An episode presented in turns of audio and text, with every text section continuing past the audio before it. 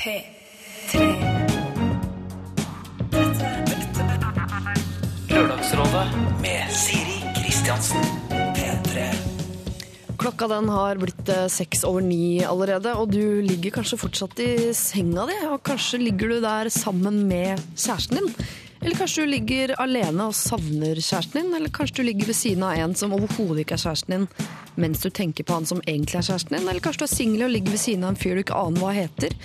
Kanskje du ikke har lyst til å ligge ved siden av han du ligger ved siden av. Og kanskje du ligger ved siden av kjæresten din, men du har ikke lyst til å ligge ved siden av han heller, men du tør faktisk ikke å si det, eller du vet ikke hvordan. Eller kanskje du ligger helt alene og er singel og ønsker mer enn noe annet at det nettopp lå en ved siden av deg. I dag så skal vi hjelpe en ung gutt som savner å sove sammen med kjæresten sin. Problemet hans er bare noe så banalt som at hun snorker. Faktisk så mye at han må legge seg på sofaen. Og det kan høres ut som en bagatell dette her i et forhold. Men hun syns ikke det er et problem, så hun bare fortsetter å snorke. Mens han ligger på sofaen og savner kjæresten sin og tenker at dette er et problem hun snart må ta alvorlig. Jeg eh, vil jo påstå da at noe av det viktigste man gjør som par, er å dele seng. Og da mener jeg ikke den fysiske delen av det nødvendigvis, men jeg tror at det er veldig mye som binder folk sammen, som foregår da.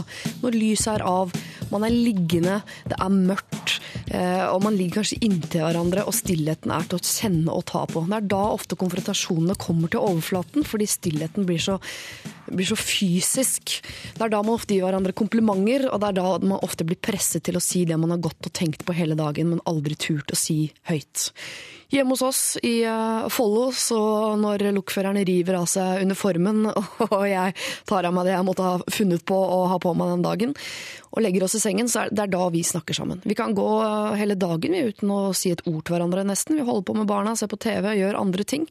Men når vi ligger i sengen og hører hverandre puste, så begynner vi alltid å prate. Og det er eh, altså den fineste tiden vi har sammen som par. Hva dagens rådgivere mener at denne unge gutten som savner å sove sammen med kjæresten sin der han ligger på sofaen, skal gjøre, eh, det får du vite i løpet av neste halvtimen. Du hører på Lørdagsrådet med Siri Kristiansen. Pearl der altså, og deres eh, Alive. Du hører på Lørdagsrådet. Klokka er snart kvart over eh, ni, eh, og det er altså 2012. For eh, en uke siden så eh, hjalp vi en eh, ung jente som hadde et litt sånn ukjent problem for Lørdagsrådet så langt. Hun hadde en bestefar, han var syk, og hun visste ikke om hun skulle prioritere å besøke han mye. Hun ønsket faktisk heller å prioritere skolen, fordi hun tenkte at det var viktigere i livet hennes akkurat nå. Eh, Hun hadde vært og besøkt han én gang. Lillebroren derimot hadde vært der flere ganger, og hun merket nå at bestemoren begynte å, å holde henne liksom litt på avstand. Begynte å prioritere lillebroren framfor henne, og de spiste middag sammen bak hennes rygg osv. Så.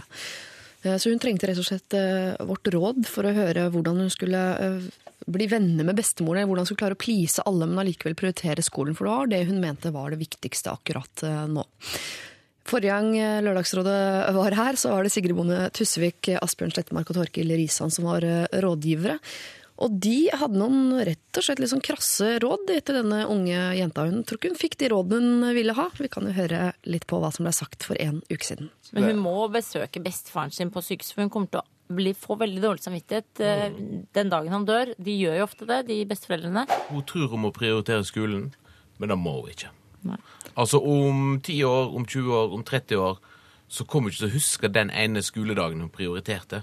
Men hun kommer til å huske det siste møtet med bestefaren sin, eller det nest siste, eller det tredje siste møtet med, med bestefaren sin. Men eh, altså, det ligger jo også en samtale med bestemora i lufta her, syns jeg. Eh, Altså, han må jo klare luften med hun også. Eh, Og da er det jo bare den derre å snakke åpent om problemet. Eh, Du Kan du si 'beklager, jeg har prioritert feil'? Ja, det kan du si. Du kan også, men jeg syns også bestemora skal ikke holde på med det hun driver med. Eh, og gå bak ryggen og sånn. Eh, her må man bare ta eh, snakke hverandre i ansiktet. Jeg tror ikke det skal liksom invitere Jeg tror ikke nødvendigvis det fungerer å liksom invitere bestemor til en sånn en litt sånn moderne, liberal åpenhetssamtale. For det kommer det kommer fra en helt annen tid. Ligger det- ikke den samtalen i Hvis hun besøker han en gang eller to eller tre nå, så er det på en måte Det trenger man ikke den samtalen? Lørdagsrådet Dette ble altså sagt for en eh, uke siden, og i går så fikk hun en veldig hyggelig mail fra denne Amanda. Hun skriver Hei Lørdagsrådet, og tusen, tusen takk for råd.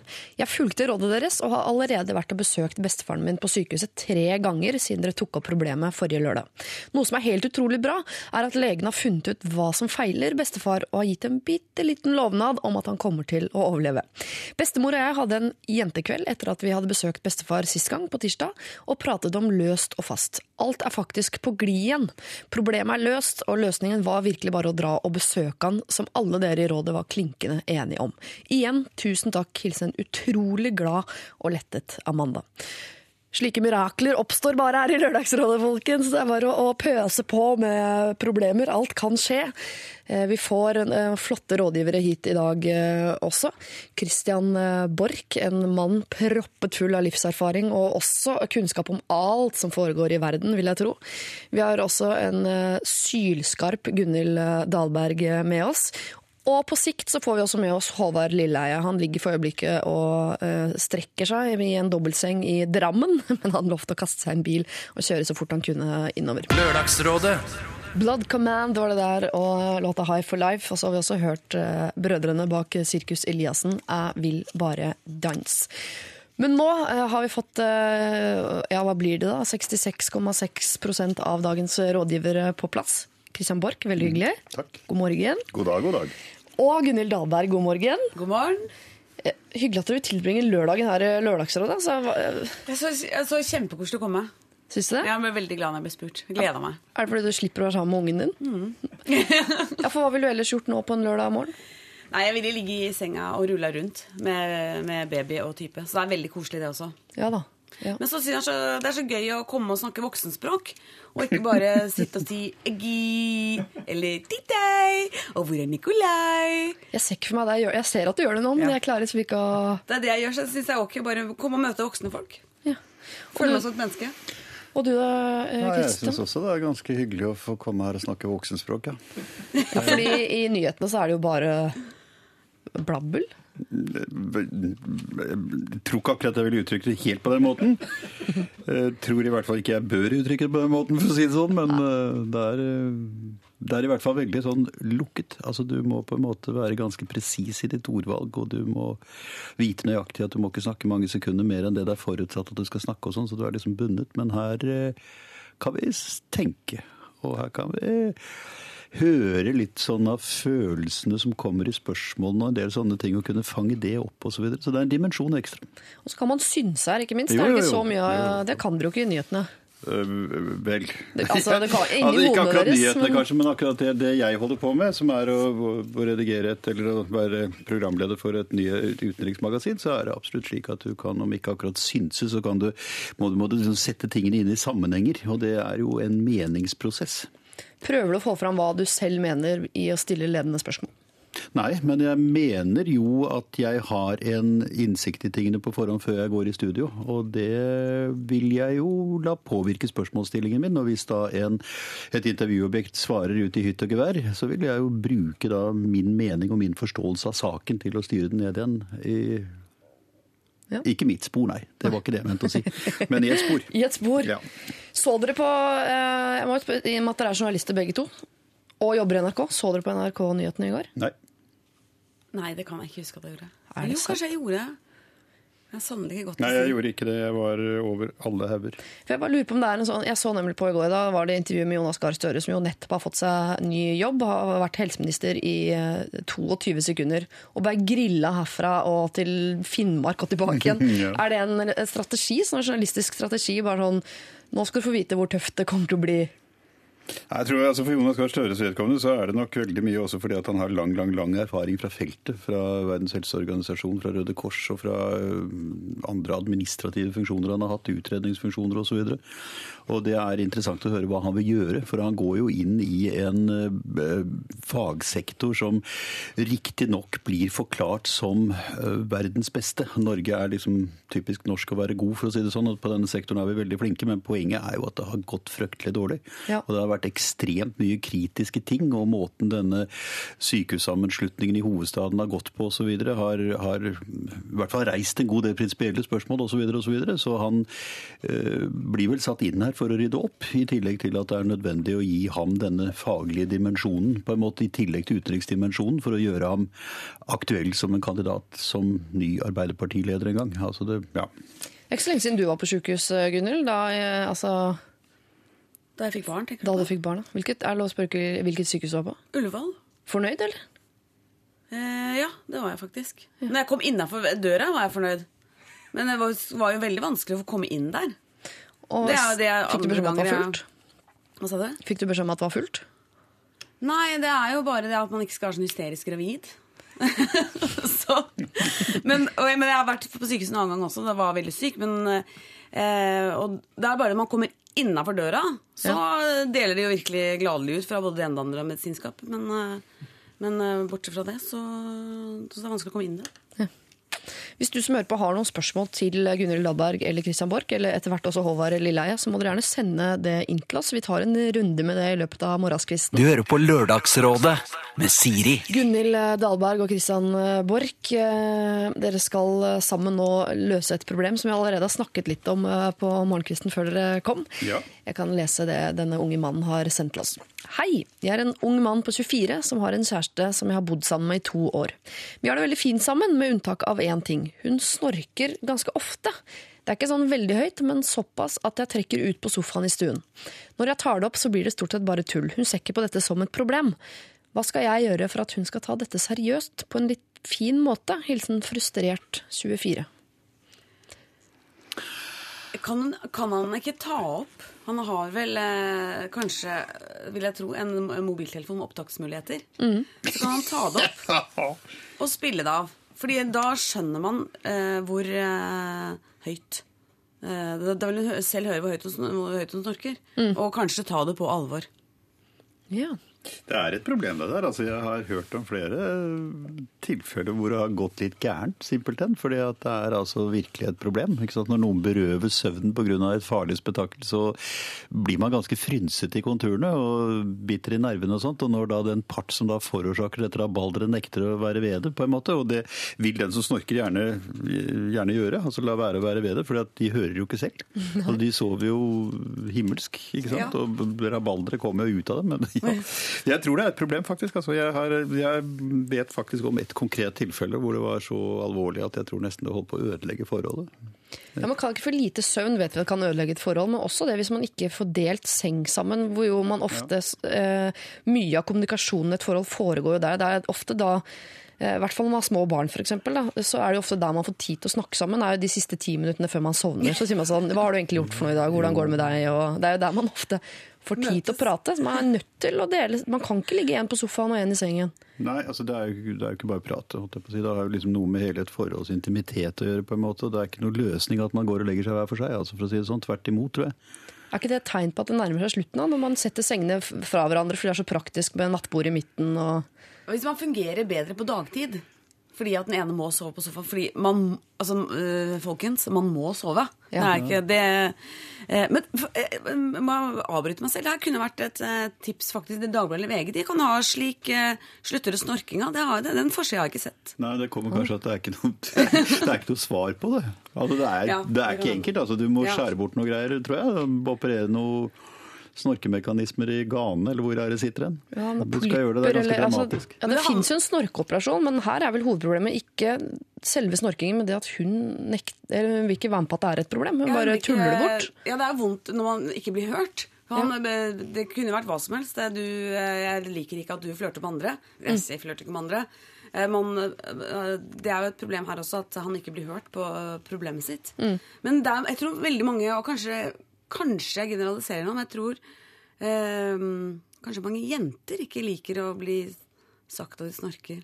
Nei, for tror dere hun syns det er flaut også fordi hun er jente? Nei, de liker ikke, nei, de liker ikke det, de heller. Nei. Nei, men det har noe med forfengelighet å gjøre. Ja, fordi Man, vi jenter tenker jo ofte at snorking det er noe gutter driver med. Ja, gamle menn, kanskje. Ja. Men, det er ingen som tenker at Babyer hun snorker også. Dette kan jeg skrive under på. Men jeg tror, jeg tror altså faktisk at øh, løsningen på problemet er nødt til å ligge i at den part som utfører snorkingen, er nødt til å vedgå at vedkommende snorker. Altså Ja. Du er nødt til liksom å ta din partner alvorlig i den situasjonen, for at du kan simpelthen ikke bare bagatellisere et problem som faktisk fører til noe så alvorlig som en uryddig søvn. Og det er mye mer alvorlig enn folk er klar over. Altså hvis du, ja. Ja. Og så er det jo det med kommunikasjonen, ikke sant, som, du, som du er inne på. Så eh, er vi tilbake på at hun, ah, han må ta opp lyden av at hun snorker, så hun får liksom smake sitt eget problem, mer eller mindre. Da hører hun hvor høyt det er. Ja. Og da vil hun kanskje tenke å shit, er det Snorker jeg så Ja, du har jo et eh, poeng. Og hvis han ikke syns hun snorker høyt nok, kan hun finne et klipp på YouTube hvor noen snorker drithøyt, så sier jeg det er henne. Enten det eller bruke en litt kraftigere opptaksmaskin og stereoanlegg og spille det av på. ikke Ja. Med skikkelig sånn der woof-bass. Det Ja. gjør seg godt. Men altså, jeg, jeg er ikke helt sikker på at jeg er helt enig med dere. fordi at det å ta det opp, det, da bruker du en konfrontasjonsmetode. Er ikke sant at hører du ikke på meg, hør her. ikke sant? Pang, pang, pang. Ja. Og da er du allerede kommet sånn at du står med med hornene flekket i hverandre her på et eller annet sett og vis. Så jeg tror nok jeg ville bruke logikken noen meter til. altså. Jeg ville påvirkningen, altså si at faktisk sånn er det, og dette er alvorlig, dette må du høre på. For å få kommunikasjon i løsningen av problemet istedenfor konfrontasjon. Kanskje han skal snakke eh, enda mer sånn følelsesladet, som jo ofte vi jenter er veldig glad i. At han tar inngangen som er mer sånn du er fantastisk, og det er ingen jeg heller vil dele seng med enn deg. Jeg elsker våre små prat, jeg elsker når du kiler meg på Jeg vil så gjerne bare ligge inntil deg på natten. Du har sånn myk, varm hud, du lukter så godt. Når Men når du snorker, snorke, så så blir det jo litt vanskelig, da. Ja, det kan du si. Så kan du liksom si også det at snorkingen din er jo vakker på en måte, altså når man skal vurdere rent snorkemessig. Men det er altså et eller annet med at volumet, ikke sant. Det Kanskje det er en riktig inngang å prøve det på. Altså Noen runder til nå eh, med eh, diplomatisk snakk. Fungerer ikke det, så må det på et eller annet tidspunkt settes noen noe hardere krefter til. Og da er det antageligvis opptaksmaskin på mobiltelefonen. Og er det ikke høyt nok, så må vi ty til YouTube. Det er sjeldent Lørdagsrådet sier at vi må ty til YouTube som, eh, som løsning på et problem, men her er det, Men det er her er det kanskje det vi må også. Ja, men det er så viktig å sove. Det er veldig Det viktig er å sove. viktig å sove. Først og fremst er det jo viktig at uh, hun erkjenner at det kan være et problem, og gjør noe med det. Og det er virkemidler for å gjøre noe med det som kan gjøre noe med det. Ja. Man behøver liksom ikke gå veldig drastisk til verks, men han kan jo forsøke seg på en klesklype og se hvordan det går. Eh, Jeg må innrømme hjemme hos oss eh, når det snorkes, så løfter jeg dyna sånn fort høyt opp og ned igjen, sånn at det blir sånn lite brif av kald. Og da stopper det, for det er akkurat sånn kroppen er sånn Hei, hva var det? Så hopper det over et tak. Og så tar det så lang tid før det begynner å snorke igjen, at jeg forhåpentligvis har uh, klart å sovne innen. For hvis man er i dyp søvn, så våkner man sjelden av snorking. Så litt, litt sånn lufting. Ørepropper. Ja, det er jo snorking, og det er snorking. Altså, det kan jo, etter hva jeg forstår, komme et eh, hjerteskjærende rabalder ut av den vedkommende som gjør det. Altså, det er liksom Noen snorker søtt. Et lite sånn grisegrynt liksom på en måte i en drømmetilstand. Ja. Og andre lager jo et spetakkel som tredje verdenskrig. Ja, da er det sofaen som gjelder. Hva skulle du eh, Ørepropper? Eh, Ja, ørepropper sov i ro var et tips. Og så- jeg tror det er veldig skadelig for hørselen også å sove sammen med noen som snorker så høyt. Og for her kan jeg si på radioen nå, fordi foreldrene mine de hører nemlig på P4. Ja. Og dessuten så hører begge to veldig dårlig, så hvis jeg sier det her, så hører de ikke. Allikevel, hvis de skulle hørt på P3. Eh, og det er at de, de hører veldig dårlig begge to. Fordi, og det er min teori, er fordi begge snorker så høyt at uh, vi, når vi er på besøk, så er jeg veldig glad jeg sover i en annen etasje. Er det såpass? Derfor er begge to tunghørte. Og det har jeg sagt til de mange ganger. Men de har ikke hørt det? De har ikke hørt den nei. Mamma hørte det her om dagen. Bare haha, syntes det var så morsom teori. Så jeg bare «Eh, Jeg har sagt det til deg i mange år, har jeg lufta den teorien der. At det er derfor det høres dårlig. For at vi snakker så høyt. Det er altså skadelig både for eh, hørsel, for eh, psyken, for det er frynsete, du blir frynsete hvis ikke du får sove, og også så er det skadelig for forholdet. Så det der med snorking må vi ta på alvor og rydde opp i på en eller annen eh, måte. Vi skal høre Jenny Langlo. Eh, et eh, veldig gledelig gjenhør med er glad at hun endelig kom på banen. Her synger hun 'Million Dollar Signs'. Gunhild Dahlberg og Christian Borch, dere utgjør dagens eh, lørdagsråd. Eh, snart også akkompagnert av Håvard eh, Lilleheie, eh, vil jeg tro. Vi tar et problem til før han kommer, som dreier seg om snillhet denne gangen. Vi går fra snorking til, eh, til snillhet. Mitt problem er at jeg er for snill. Oi. Jeg blir hele tiden invitert med på ting jeg synes er kjedelig, som å være med venninner på klesbutikk, jentevorspiel, hagedugnad, middagsselskap med kjedelige mennesker. Men jeg klarer ikke å si nei. Hva skal jeg gjøre? Må jeg flytte til et sted der ingen vet at jeg er en hyggelig kar som aldri sier nei? Og dette er det da Bård som lurer på. Er det noen som kjenner seg igjen i dette? Åh, Christian? Ja. Er du en sånn fyr? ja. Ja. Det Altså, problemet, problemet er antagelig et psykologisk problem, fordi at du ønsker ikke å bli eh, altså du, ønsker, du ønsker å tilfredsstille et forventningsnivå. Du ønsker ikke å bli liksom oppfattet som uh, en som ikke gjør det han skal, på en måte. Ja. Altså, det har noe med å sette beina under seg og være seg selv og ja, sette beina under seg kanskje, kan kanskje erstattes med å sette foten ned ikke sant? og si nei, dette vil jeg ikke, dette kan jeg ikke, med et smil. Men det er altså et problem for veldig veldig mange, fordi at eh, det kan henge sammen med en eller annen faktor i oppveksten og oppdragelsen å gjøre. Du vil liksom ikke skape mishag, du vil ikke bli, bli oppfattet som noe negativt på en måte, og det, det er en refleks, altså. Ja. Og det kan være ganske problematisk, for det betyr at han er nødt til å gå på akkord med seg selv i hytt og gevær, og det, er ikke, det bør man ikke gjøre. For Resultatet av dette er jo at man stadig til stadighet befinner seg i situasjoner hvor man egentlig ikke ønsker å være. Ikke sant? Ja, som i en klesbutikk med venninner, som jo kan jo være dørgende kjedelig. Du, Gunhild, nå hopper jeg til konklusjoner, men du er jo ganske flink til å si nei. Ja. Og så har du noe råd?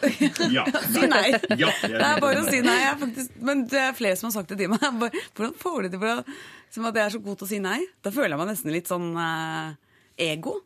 Men er det øvelse, eller har det alltid vært en sånn liten uh, nei-dukke? Nei, jeg ble tvunget til å si ja veldig mye da jeg bodde med, med hjemme hos Ja. foreldrene mine. Da måtte jeg si ja hele tiden. Men uh, heldigvis så skjønte jeg at jeg trengte ikke gjøre sånn som mora mi sa når jeg ble voksen.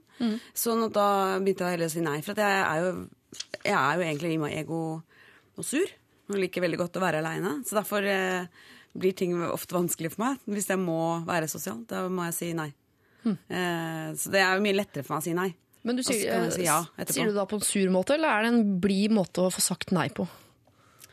Eh, nei, det vet jeg ikke. Hva syns du? Du har sikkert opplevd at jeg har sagt nei til ting du har foreslått.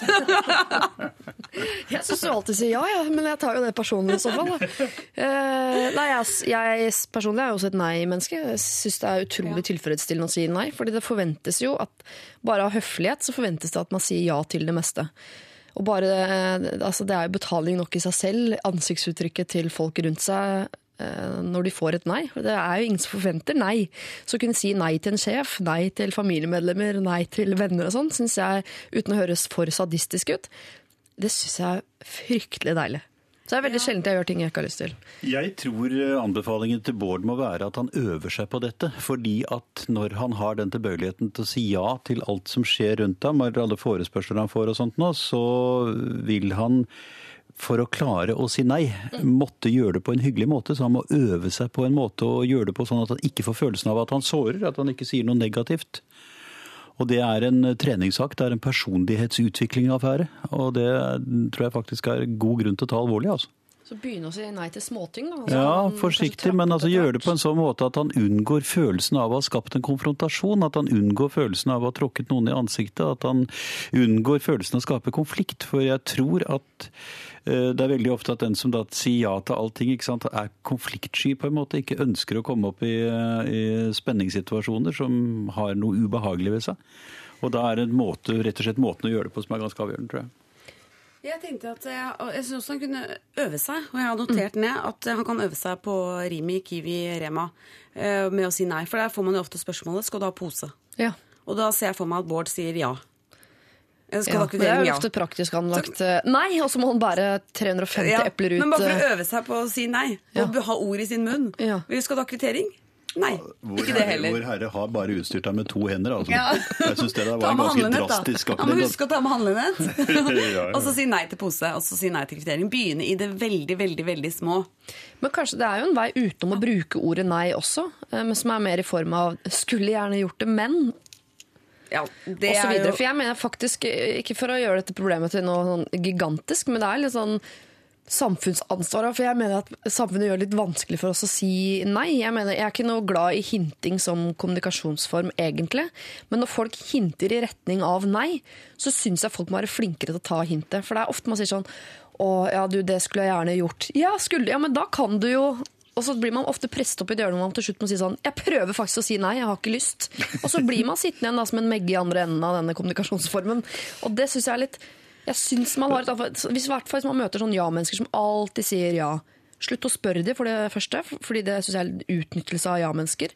Og hvis de prøver å hinte nei, så ikke, så ikke fortsett å spørre, bare ta hintet. En måte å trene seg på tror jeg er at man altså får, når man får et spørsmål man kan være med på det Ja!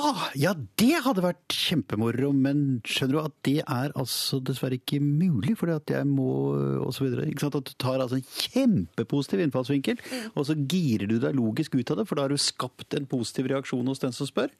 Og så har du en positiv atmosfære å forholde deg til, og så øver du deg på, da, på en måte å finne din måte å si nei på. Er det lov å ljuge litt i andre enden? da? Jeg kan ikke Men si at du må- ikke kan, selv om du egentlig kan. Men kan ikke Bård være, være med øh, sånn på øh, hva skal jeg, i angrepssituasjonen, holdt jeg på å si, ta ansvar for eget liv og begynne å planlegge egne ting og invitere de folk på det?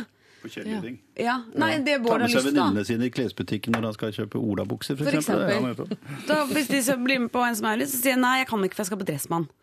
Da, da må hun være med på Dressmann. At man må forhandle. Ok, da blir jeg med på det hvis du blir med på det.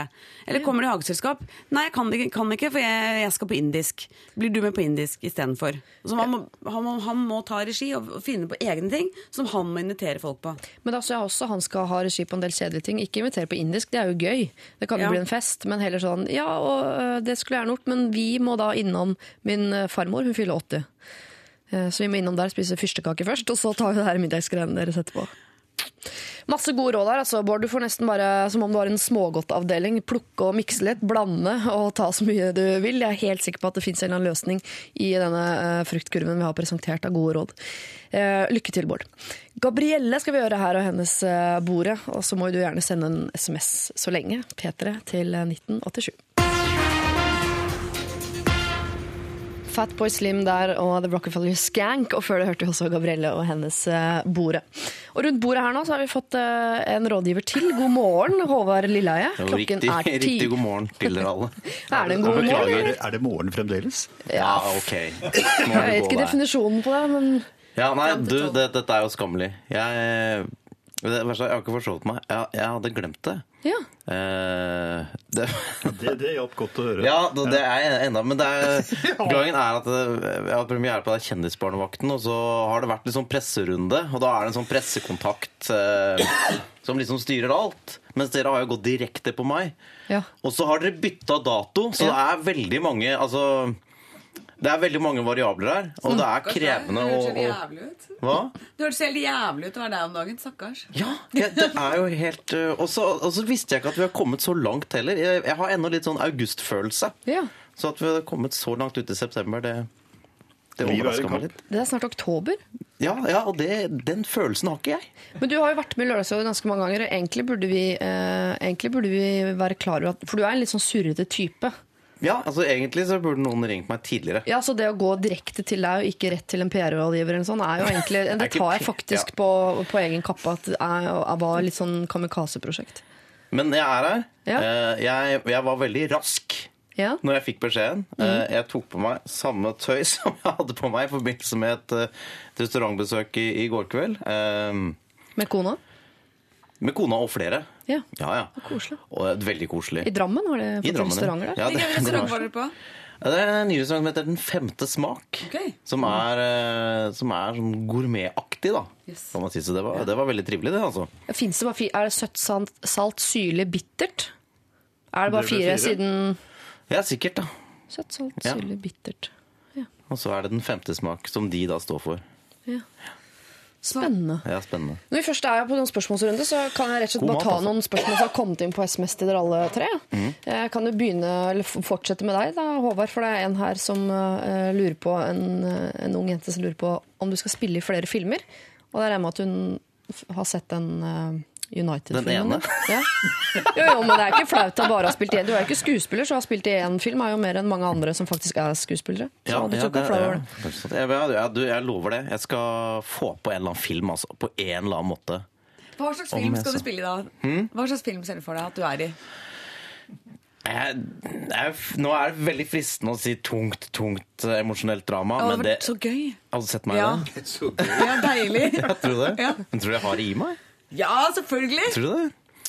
Ja, det, ja, altså, det er Vi jo har sett Jim Carrey i The Truman Show. Liksom. Det kan funke, Ah, det greiene der. Tenk å få en sånn en. Ja. Tenk å få For en film! Norske Truman Show. For en film! Ja, har du lyst til å spille i film igjen? Ja, altså hvis det kommer noe, øh, noe gøy og bra med flinke folk. Ja. Det er klart jeg har lyst til det. Men det, det er jo ikke gitt, det. det er jo- ikke, Det er jo trangt, trangt nåløye, må vite. Ja. Mange om beinet. Og jeg har vel ikke kanskje vært som Det er ikke så mange om beinet, men det er Aksel Hennie om beinet. Og det holder lenge, det. Ja, For, men eh, han, øh, du, når han har fått det der beina inn i kjeften, da da kjørte seg fast mellom tennene. ja. Det er sånn å prøve å ta det Han låser kjevene.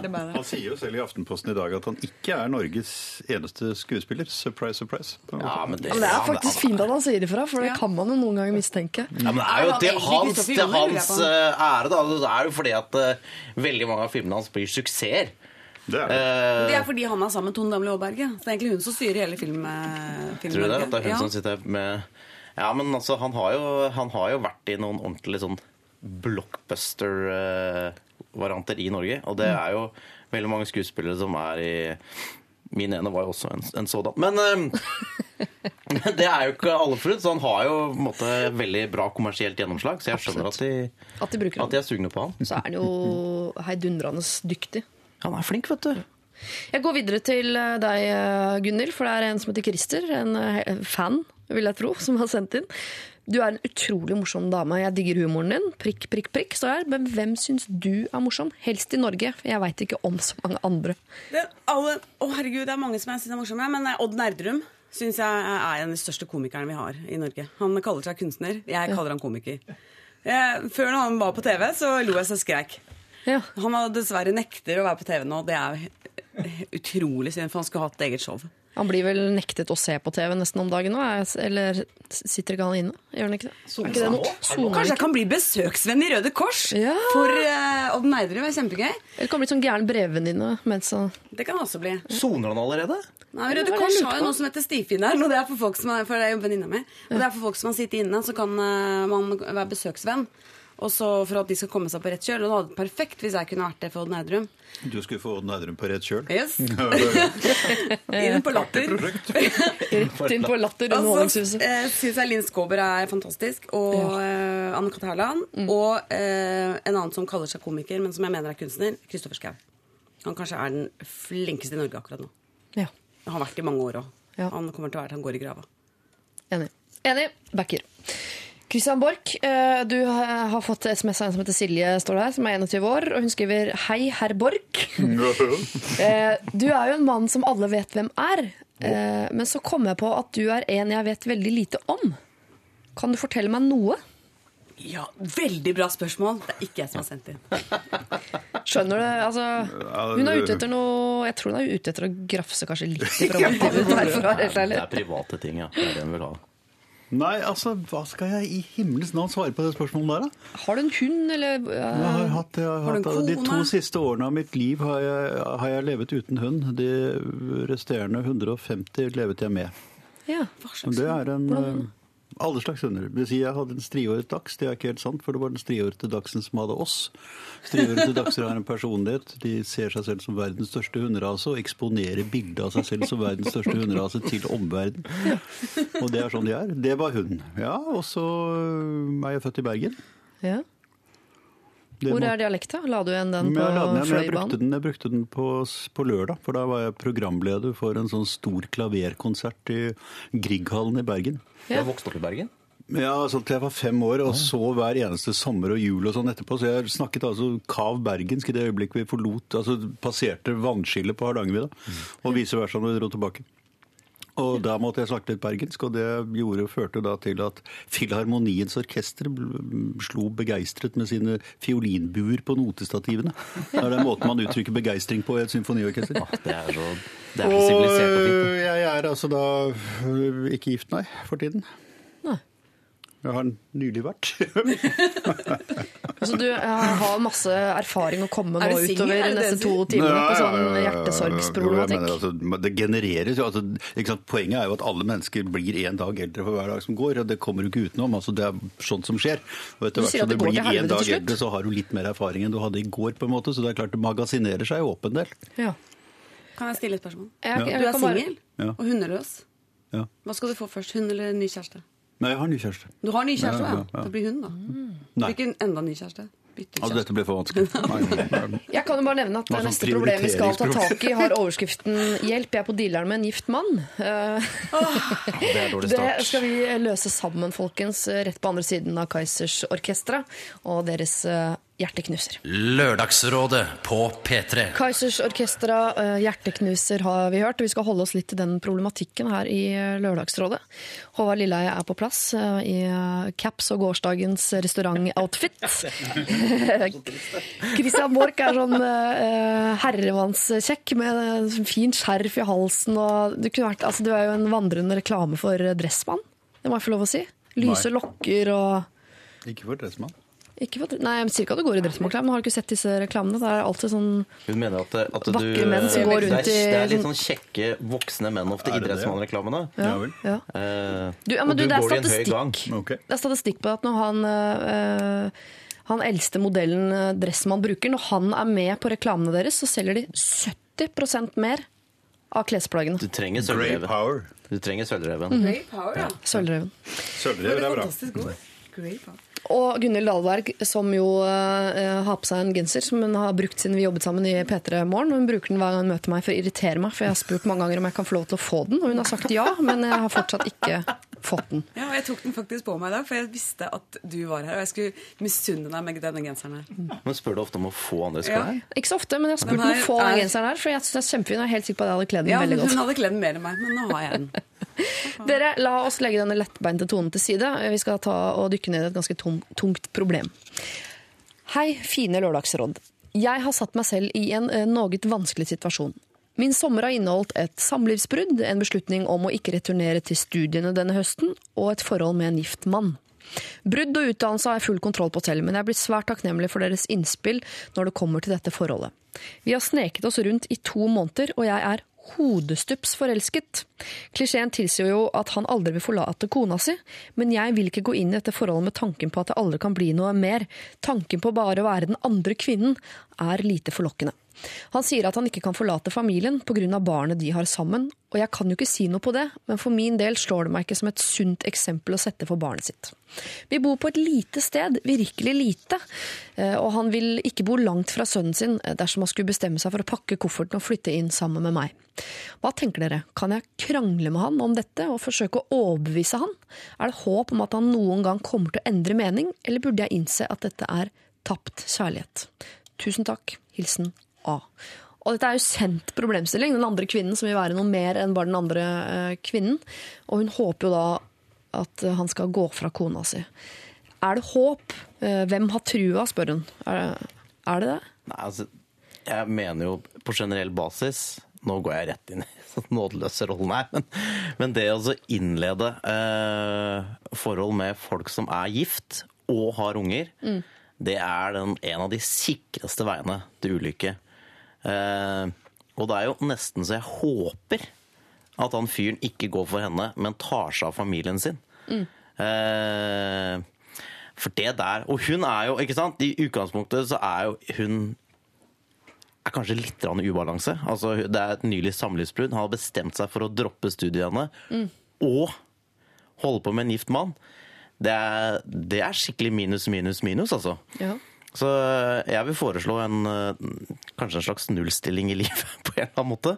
At eh, nå er det bare på tide å Du må bryte med han gifte mannen. Eh, all sannsynlighet tilsier at han vil jo ikke forlate familien sin. Og det burde han jo strengt tatt nesten ikke heller, med mindre kona hans er ond og han er dypt, dypt ulykkelig. Eh, Men han har allerede sagt det. Han vil ikke forlate pga. barnet sitt, og det, det syns jeg Han burde jo aldri innlatt seg med henne, men eh, ja, ikke, inn, ikke innlat dere med gifte folk. Er det noen som syns hun burde krangle og prøve å, å overtale han ut av dette ekteskapet?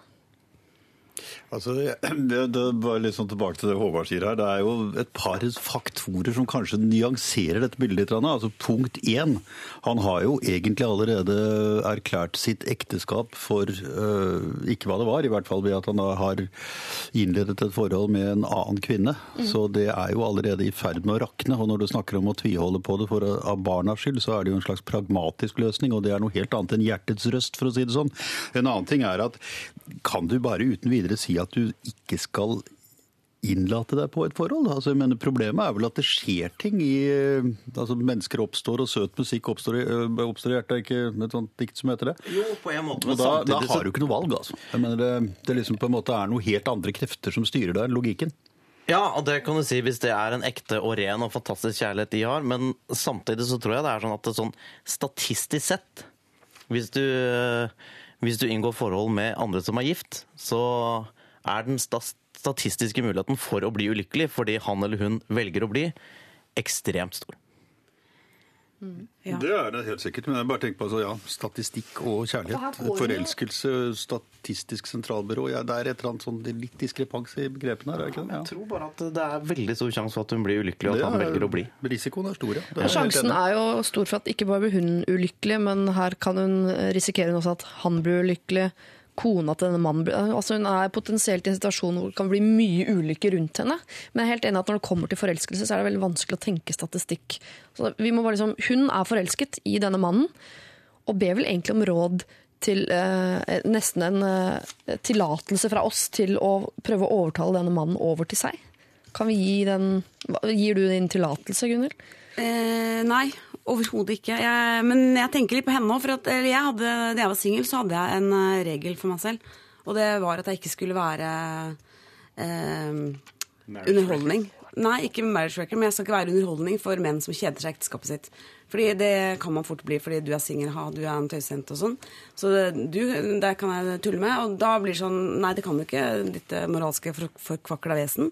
Du får holde deg til kona di og ordne opp i ditt eget liv før du eh, kaster over meg som en sånn tøydokke. For og det er kanskje det hun kan tenke litt på også. Hva er det han vil?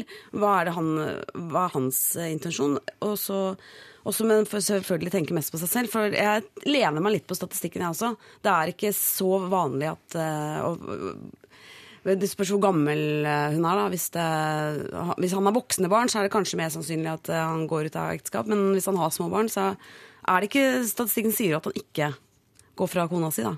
Men det hørtes ut som han, altså han sa jo hvis han skulle flytte ut, så ville han bo på samme sted. Og akkurat den replikken her, som hun sikkert har festa seg ved og tenker det er mulig jeg kan overtale han, det tror jeg han bare sier for å holde henne varm. Man har jo sagt at Kom nei, deg han, unna nå! Han har faktisk sagt nei, jeg kommer ikke til å forlate kona mi. Men er det Jeg kommer ikke til å forlate kona pga. barnet, sier han. Men er det en tydelig nok beskjed å få som forelsket i andre enden? Men hadde han ikke sagt også hvis jeg skal flytte, så skal ikke det være så langt unna barnet? Nei, hun har skrevet vi bor på et så lite sted at dersom han flytter inn til meg, så vil han okay. aldri bo langt fra sin lille sønn. Ja, men da har han sagt det, da. Og da mener jo han jeg har sagt det, da tar ikke jeg ansvar for deg lenger, ja. Eh, da sier han det. Jeg kommer aldri til å gå fra henne, men jeg kan fortsette å ligge med deg eh, og holde på med deg. Og gi deg det du tror du Altså, jeg kan gi deg dette, men jeg kan ikke gi deg mer. Den har, har han sagt tydelig fra. Da må hun høre på den beskjeden, selv om hun er så forelska at hun tror at Altså, det skjer ikke. Bare kom deg unna. Mitt beste tips. Det fins Kom- så mange andre folk som er single. Hallo. Kom deg unna, sier Gunhild, og det sier vel egentlig du også, Håvard? Ja, jeg gjør egentlig det. Jeg syns, jeg, jeg, jeg syns på en eller annen måte Ja, utgangspunktet hennes nylig samlivsbrudd som gjør at du ikke fortsetter studiene og dealer med en gift mann. Det er, altså Den komboen der, det høres ikke ut som du er på noe bra sted i livet i forhold til å innlede et uh, nytt bra forhold, eller? Du er litt mer romantisk anlagt da, Kristian, Christian, og sier at eh, hvis hun er forelsket, så, så kommer hun ikke til å høre på fornuft som at hun er på et Altså, for vanskelig sted nå. fornuften, statikken... blir suspendert når følelsene er sterke nok og, og redelige nok, og det tror jeg en må finne ut av først. Og så kommer jo alle de praktiske elementene etterpå. Jeg er jo helt enig i det, altså, sånne alarmbeskrivelsene som kommer opp her. At alle statistiske forhold og hele liksom, oppsetningen og det hele er problematisk, og liksom, det er nesten dømt til å gå galt på en eller annen måte. Men hun er jo nødt til å vurdere dette ut fra sine egne følelser. Altså, det er primært et følelsesspørsmål. Og det kommer an på hvor seriøst er dette, hvor viktig er det, hvor stort er det. Øh, og du har jo i historien, litteraturen osv. Så, videre, så har du jo tallrike eksempler på kvinner som har elsket en mann så intenst at de venter i 30 år, på en måte. Og jeg tror liksom når han sier det at han Det kan være bortkasta tid, altså. ja, det kan du for så vidt si at det er, men du kan, det, det, det må du da si til deg selv, og så må du se hvordan det virker inn på følelsene dine. Men du kan ikke uten videre ta og løse dette problemet ved å legge liksom tingene på bordet og si sånn og sånn og sånn, sånn og sånn og sånn, omtrent som du løser en kryssordoppgave, fordi det er et følelsesanliggende. Og følelser overskriver logikk, altså. Men det er ikke bare Ja. Jeg, tenker at Selv om det er store store, store følelser Hun kan, hun kan jo selvfølgelig la seg rive med og grisetryne oppunder jul, men bare være klar for at jeg da grisetryner jeg liksom. Jeg kommer til å være hudløs til, til påske. Mm. Først, og da kan jeg komme opp med krokos, krokusen, hvis du skjønner. Så det er jo en måte å gjøre det på hvis man er dramatisk anlagt og bare vil liksom ha ja, må, det beste vite, og verste av følelsene. hun må vite at risikoen for det er Ja. her, altså. Det er klart, dette er, dette er farlig. Men på den annen side, det er, det er store følelser. Hun kan ta regi over livet sitt. Hun har ikke avbrutt studier og sagt opp et forhold. Kanskje hun har noe penger på bok, eller kanskje hun har et masterkort. Gjør det slutt med den gifte mannen her. Dra til India, Australia, Stavern eller eh, Alta. Oh, og så er fint. Ja, Kom deg vekk, og så kan du ha det. Altså, det fins mange andre måter å ha det gøy på enn å ligge med en gift mann. Ja. I Alta, for eksempel. okay. Sikkert mange mener å ligge med der òg. Hvis For jeg synes jo det er jo, Vi må jo også tenke litt på hva som er eh, ja, Nå blir jo det sånn kjedelig pragmatisk, men hva som er hans, sans, altså mannens sannsynlige inngang til dette her. Han har sagt han ikke vil eh, forlate familien sin. Og har startet et forhold med henne. Det Men høres skal jo ikke man bli i et eh, ekteskap bare fordi man har et barn sammen? Det er ikke vårt problem i denne saken. Nei. Det er helt riktig, men det er vår jobb å løse det problemet. Vi ser Det var vi jobb. slår hånden i bordet. Men hvis vi bare blir enige om da at dette er Hun er veldig forelsket. Innsender er veldig forelsket. Det kan vi liksom ikke eh, rasjonalisere oss bort fra. Hun er kjempeforelsket. Så hvis vi da skal prøve et lite øyeblikk å hjelpe henne å få denne mannen, er det da krangling eh, hun bør begi seg ut på for å, for å få han til Nei. sin? Nei. Ikke krangling. Nei, ikke krangling. Altså, du, du, altså, å prøve å løse dette ved hjelp av den sunne fornuft alene tror jeg ikke løser øh, noen ting. Altså, du kommer ingen vei på den måten. Det hun må gjøre, er å være virkelig klar over problemene hun står overfor. Analysere hans følelser og sine egne følelser og finne en løsning som stemmer overens med det følelsesmessige grunnlaget på en eller annen måte. Men Skal hun bare da gi han masse tid, eller skal hun sette hardt mot hardt på et eller annet tidspunkt?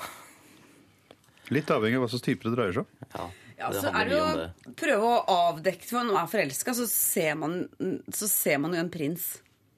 Så, men hvis hun tar på seg hverdagsbrillene, det er en måte å gjøre det på, så da ser man jo bare Å nei. Da, altså, da dukker jo de gule tennene. Da ser man de gule tennene og leverflekkene og den slappe huden og sånn. Og da, så det kan jo være en måte å prøve å lande på, da. Tenk om det? altså ett poeng Så hun nekter å innse at hun er forelsket, du vil bare at hun skal avslutte det hele. Du har ingen råd å komme her til hvordan denne eh, dama skal få denne mannen. Hun kan jo kidnappe han og låse han i kjelleren og kle han og, så, og gi han kjøttbein og la han stå i trusa og gneldre. altså, Det er godt råd.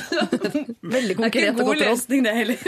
Da synes jeg det er for så vidt en artig løsning. I hvert fall.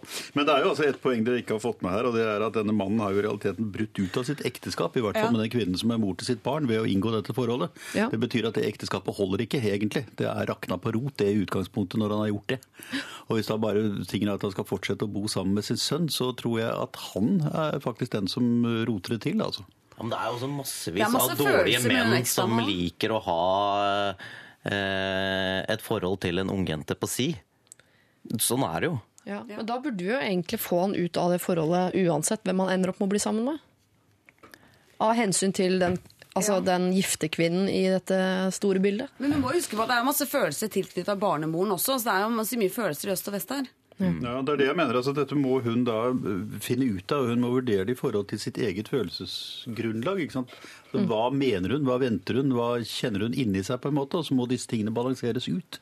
Ja. Jeg tror ikke det, det, er ikke noen, det er ikke noen logisk løsning, det er det som er mitt poeng, fordi det er et følelsesanliggende primært. Ja, jeg runder det hele av, jeg, folkens. Men, Jo, for jeg mener å høre her at både Gunhild og Håvard eh, lener seg litt på statistikken. Men det ligger noen følelser i statistikken deres, for dere vil jo ikke denne kvinnen vondt. Men dere statistisk sett ser at dette kommer til å gjøre vondt for deg rundt juletider, spår da Gunhild. Um, mens eh, Christian Borch mener også at du, eh, du må ta en ordentlig runde på hva du virkelig føler, eh, hva du virkelig føler, og om det er verdt det. For det er potensielt eh, sorg i, i sikte her, men du må ta en runde på om det er verdt det for deg og ditt følelsesliv. Og du har jo da, hvis det er det, så har du selvfølgelig lov til å kjempe for denne mannen. Men om det er krangling som er metoden å gjøre det på, med, det er vi litt usikre på. Vi går videre med noe så passende som La La La La La La Love Song. Dette er Hanne Kolstø. Du hører på Lørdagsrådet med Siri Kristiansen. Jeg lovte Gunhild Dahlberg å si til, eh, til deg som har innledet et forhold til en gift eh, mann, at du er nødt til å sende oss en mail og si hvordan det går. Hva ble utfallet av denne floka? Da gjør du det på den mailen du allerede har brukt, altså. Eh, Men jeg kan jo gjenta det. LR, alfakrøll, nrk.no. Det er altså dit du sender problemer hvis du sitter og knuger på noe eget. Eller SMS, som vi får, har fått her, P3 1987. Fått en litt enklere, eh, enklere SMS, som ikke er så eh, utroskap, løgn eh, og vonde følelser. Det står her. Hei, jeg har en veldig konkret problemstilling. Jeg har i det siste begynt å få hår på ryggen, og lurer på om jeg burde fjerne det. Jeg har selv ingen aversjon mot rygghår, men har hørt at, mange som ikke, eh, hørt at det er mange som ikke akkurat deler dette synspunktet. Jeg må vel også si at jeg ser at det ikke er en fordel å bli seende ut som en ulv i relativt ung alder. Vennligst hilsen soon to be canis lupus lupus. Eh, og det er Gunhild Dahlberg, Christian Borch og, eh, og Håvard Lilleheie som skal prøve å løse denne Det er en gutt eller en mann, dette her. Det er en mann, Ja. ja. Jeg syns jo Når han sa at han ikke vil se ut som en ulv, ja. så fikk jeg Da slo det meg Altså, ulvestammen i Norge er på vei ned. Så hvorfor ikke bare la hår gro? Fordi at eh, den er utrydningstrua. Ja. Og bøndene får jo kjempemasse penger for å holde liv i sauen. Mens, eh, mens veldig mange av oss som ikke driver sauedrift, vil jo gjerne holde liv i ulven. Så det her tror jeg er naturens At, vi, at det begynner å vokse hår på menn. Eh, altså mer, altså, det, at det, det betyr at, at ulvestammen skal holdes oppe. Men da er jo risikoen at du en dag på vei til jobb ser Martin Skanke i et helikopter med rifle, og så er det sånn Så er det over. Er det over. Jeg er, jeg er for så vidt enig med Gunhild under forutsetning av at mannen ikke er medlem av Senterpartiet. Da kan han få problemer. Han skriver canis lupus lupus, som er latin, så jeg får vel ulv, anta at eh. Men her, er her må man på en måte både relatere til sitt eget liv og folk eh, rundt en. Eh, Ja. Jeg, jeg har aldri hatt noe sånn kroppshårproblem sjøl. Det, det er på en måte i Har du ikke verken foran eller bak? altså, Jeg har liksom noe Han her. sa at han ikke hadde problemer. Det er ikke det vi sa at han ikke hadde har, hår. nei, Du har ikke, du er ikke teppebelagt? Nei, det har jeg aldri vært. Så på en måte, det er vanskelig for meg å Men, eh, men jeg, har jo, jeg har jo mennesker i min eh, omgangskrets eh, så, som noen er, er mer behåret, sånn kroppslig sett. Eh, og, og det har gått bra med dem, altså. Fått seg jobb og Ja, og, og forhold og, og alt mulig. Men det er jo noen Jeg har en, eh, god venn. Eh, som er den litt mer sånn jålete typen. Eh, som er jo sånn hårete i utgangspunktet. Og han har tatt alt. Ja. Han har tatt alt, Men han er også sånn type som har liksom en sånn tatovering på ryggen. ikke tribal. Rundt armen. Han er fra Drammen. Selvfølgelig er han tribal. Jeg, jeg tror ikke det er tribal. Jeg, jeg har så lite sånn tatoveringskunnskap. Ja. Eh, tri- tribal, hva er det? Er det sånn Som bånd. Ja, som bånd, ja. ja. Nei, nei, det har han ikke. Ehm, men eh, jeg tror at eh, For at man må jo Ok, hvis man antar at han er heterofil, da. Altså hvis vi har det som et utgangspunkt, og at han en eller annen gang i livet vil finne seg en partner Jeg tror Hadde han hatt en partner og alt var bra, så hadde ikke dette problemet kommet opp. Det er mitt utgangspunkt. Så tror jeg at liksom, sånn ordentlige jenter de syns ikke det er så farlig. Om det er litt hår på ryggen. Det er klart, Hvis han er sånn som han kappgjengeren, altså at det er liksom eh, Trond Nymark, at det, er, det er, at det er så veldig, veldig mye eh, Ingar Helge Gimle. Og han nevner ikke Ja. skuldre, eh, hals, hender, kne. Han, det er, vi er ikke der ennå. Nei, det er ryggen. Det er ryggen, ja. Som jeg antar er skuldre. Ja. Jeg, jeg ville, jeg Skuldrene ville, er ikke der det vokser først, da? Jeg ville prøvd å beholde det. altså. Prøvd å Er det beholde. ikke veldig vondt å vokse det bort? Jo, det vil jeg tro. Ja, altså Det han i hvert fall ikke bør gjøre, er å prøve å barbere det bort selv. Nei. I og med at det sitter i ryggen. Nei, det er dumt. Det var det. Du må, Det er da må du gå på sånn waxing eventuelt. Men vi må jo anta salongen, at uh, grunnen til at han spør, er jo fordi han er, uh, at det ikke er et problem for han, men at han er på jakt etter damer. For han sier jeg har hørt at det er ikke akkurat alle andre som deler dette synspunktet. Så han, hvis han skal fjerne hår, så er det av hensyn til at han, uh, at han vil se best mulig ut Ja, ja. i kvinners øyne. Så da spør jeg deg, Gunhild, eh, eh, kunne du falt for en mann med hår på ryggen? Ehm, ja, det kunne jeg sikkert. Du måtte dra litt på det. Ja, jeg måtte det. faktisk. Jeg, synes, jeg er litt usikker på eh, det derre Altså mye sånn vegg-til-vegg-teppe. Det er ikke helt eh, Men la meg spørre helt på en min annen stil, måte. Hadde du, falt, tror du hadde du falt for en fyr med hår på ryggen, eller hadde du falt for en fyr som var sånn som fjerna hår på ryggen? For det er jo en annen type gutt igjen. Ja. Eh, det er, jo, det er liksom, kanskje noe litt sånn stusslig med tre hår på ryggen også, hvis du skjønner. Det er liksom å ha tre hår på tissen. Det er liksom, du, må, da, hvis du, har, du må få mye. Ja. At du må, men, det er, men han Ingar Helge Gimle, han skuespilleren, Ja. han, altså alle vet jo Han er jo mer kjent for ryggen sin enn skuespillprestasjonene, egentlig. Jo. Flott skuespiller. Herlig type. Ja, men han har mye hår òg. Men han har jo klart seg her i livet. Ja, klart seg er På kjempebra. tross av rygghår. Rolle i Hotell Cæsar og greier. Ja, ja, og så, så andre ting. Ja, Sven Ole ja han har er veldig spilt. flink skuespiller. Så, nei, nei, det er ikke helt min smak, men hår er visst på vei inn igjen. Oh, ja. Både under armer på damer, og nå skal det bare vokse. Så hvis han vil være en trendsetter og være i front, så er det bare å kjøre på. Og så skal man klare hva eh, Du må jo ta en runde på hvordan damer du liker. For det er jo en type damer som liker eh, den voksne typen gutt. Altså han Men så kommer det litt an på hva slags fyr han er. Altså, er, er du en sånn eh, Hvis du har liksom bra selvtillit og kan le av rygghåra dine og, og lage en fin greie rundt det, så det er litt som å å stamme og ha rødt hår, da. At hvis du Og hvis du har liksom litt sånn forskjellige ting som ikke er 100 i utgangspunktet, som, som er blitt påført deg, og du klarer likevel å liksom vise styrke og stå for den du er, Ja. så, så kan det være bra. Og det, det liker jenter. Ja, Jenter liker selvtillit. Ja. Det er det Så han må bære sine ryggehår rygghår med stolthet Ja, hvis hvis han å klarer det. bevare dem. det syns han han gjør det. allerede. Han kaller seg ulv. Det er jo kjempemorsomt. Ikke Han sant? Allerede det. der. Du snakker jo latin, mann! Du kan jo Ja, latin, latin, latin, han har humor. Og stolt, litt stolt av rygghåra sine. Blir det langt nok, kan han kanskje flette det og Ja. innføre det. blir en ny mote. Det kan bli fint. Paris Dette var en ned mot interessant problemstilling. Det er er første gang jeg kan huske jeg stilles overfor et problem som jeg faktisk ikke greier å produsere en mening om. Det, kan jeg, det har ikke hendt meg før, tror jeg. Men det er vel også et problem som antageligvis aldri vil møte på i den virkelige verden. Altså sånn Men er han, har han vært liksom Det høres nesten ut som han er redd for å gå ut og møte sin første dame, sin første, gå på sin første date. Altså Er dette noe som ikke liksom på en måte Han, han, han vil ha løst dette problemet før han forsøker seg på kjærlighetsmarkedet, på en måte? Ja, men jeg tror kanskje da at Det er litt av, da er det liksom et problem, for Ja. det betyr at det kan Det har allerede ført til en usikkerhet, som da Gunhilds selvtillitssyndrom ikke kommer til å ha det, ha det klasjer med det, tror jeg. Kan vi være enige om at selvtillit er det viktigste? Så hvis han får selvtillit av å fjerne, som han gjør det, hvis han klarer å ha rygghårene med fortsatt selvtillit, så er kanskje det det beste. Men det det viktigste er at du møter Han har prøvd øh, å finne ut hvordan det virker.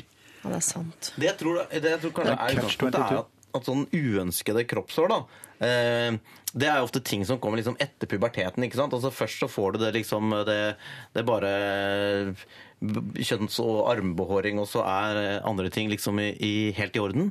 Men så, når du kommer litt opp i 20-åra, eh, så kommer ofte det, liksom det andre, det liksom uønskede krypende. Så det er kanskje det han har- opplevd. da, At han ja. Ok, du er gjennom puberteten, du får det du skal, alt føles bra, du har draget, og så plutselig begynner det å piple masse fram på ryggen. Ja, Teen Wolf. Ja, ikke sant? Ja, og, det, og da vokser ofte ut ører og nese og bryn, gjør det ikke det? På menn. Det begynner å bli lengre og lengre. Det er ikke alt har ikke kommet ut i uh... Nesehår er lov å fjerne. Det gjør deg ikke nødvendigvis noe mer feminin enn du kan tåle. Du syns det er innafor? Det er innafor å fjerne. andre ting Sender den beskjeden hjem òg, ja. Bare når første er på radio. Det er i orden, det er OK. Bare fjerne du, lokføreren. Det går fint. Jeg, jeg kommer ikke til å gå fra det. Eh, Men jeg kan jo si det også at eh, for mange år siden, når jeg var- eh, singel, så trodde jeg at jeg syntes all kroppshår var ekkelt. Så ekkelt at jeg la ut en profil på en datingside hvor jeg skrev at liksom, hvis du har en sånn sykdom som gjør at du ikke har noe hår, så er det kanskje det aller beste. Eh, Men han jeg er sammen med i dag, han har ganske mye hår, eh, og det syns jeg er kjempefint. Så det handler vel om at eh, hvis du treffer dama som virkelig liker deg, uansett, så løper hun ikke av gårde hvis hun finner ut at du har litt rygghår. Det er jeg ganske sikker på. Men du har hatt profil på en datingnettside. Ja, det synes jeg er spennende. Hvordan gikk det? Jeg havnet også på date med en mann som ikke hadde noe hår. Frode Alnes. Ja, eller en sønn. Nord, ikke la oss Vi skal høre en, en låt som passer veldig fint til dette med rygghår. Den heter Surprise Surprise.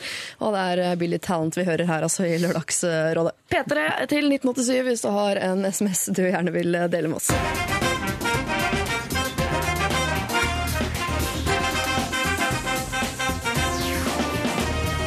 Billy Talent og låta Surprise Surprise. Jeg kan en eh, vits hvor det der er eh, Altså punchline i vitsen, surprise, surprise, men uh, jeg har ikke tenkt å fortelle den. Det er greit. Jeg tar bare punchline, ja. Surprise, surprise. Det er en veldig morsomt. Eh, lørdagsråd, kjære lørdagsråd står der, og det er jo da i dag eh, Christian Borch, eh, Gunhild Dahlberg og Håvard Lilleheie. Vi skal ta et eh, et eh, problem som også handler om brudd i kjærligheten, men en litt mm, snillere variant på en eller annen måte. Jeg er en jente på 22 år som har vært sammen med samme kjæreste i seks år, og vi har bodd sammen i fem. Vi har det utrolig fint eh, sammen og har opplevd eh, mye, men de siste årene har ting sakte, men sikkert begynt å skrante. Vi diskuterte forholdet for et halvt år siden, men kom da fram til at vi skal fortsette å prøve. I tillegg har det vært veldig upraktisk å gjøre det slutt. Vi har mange felles ting, og han er min beste venn, som jeg ikke visste. Miste. Men nå er jeg på utplassering og har fått følelsen av hvordan det er å bo alene, og jeg elsker det.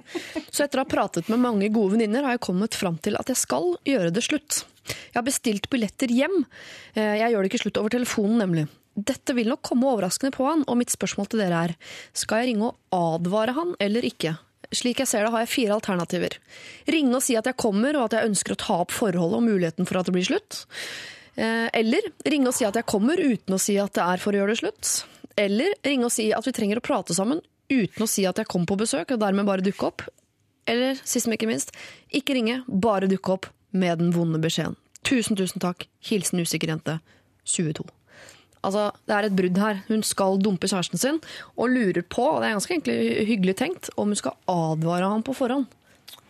Ja, jeg tror alternativ tre er det riktige. At hun ikke utpensler det i detalj, men antyder at vi må ta et oppgjør. Og det, for det vil gi ham anledning til å tenke gjennom tingene.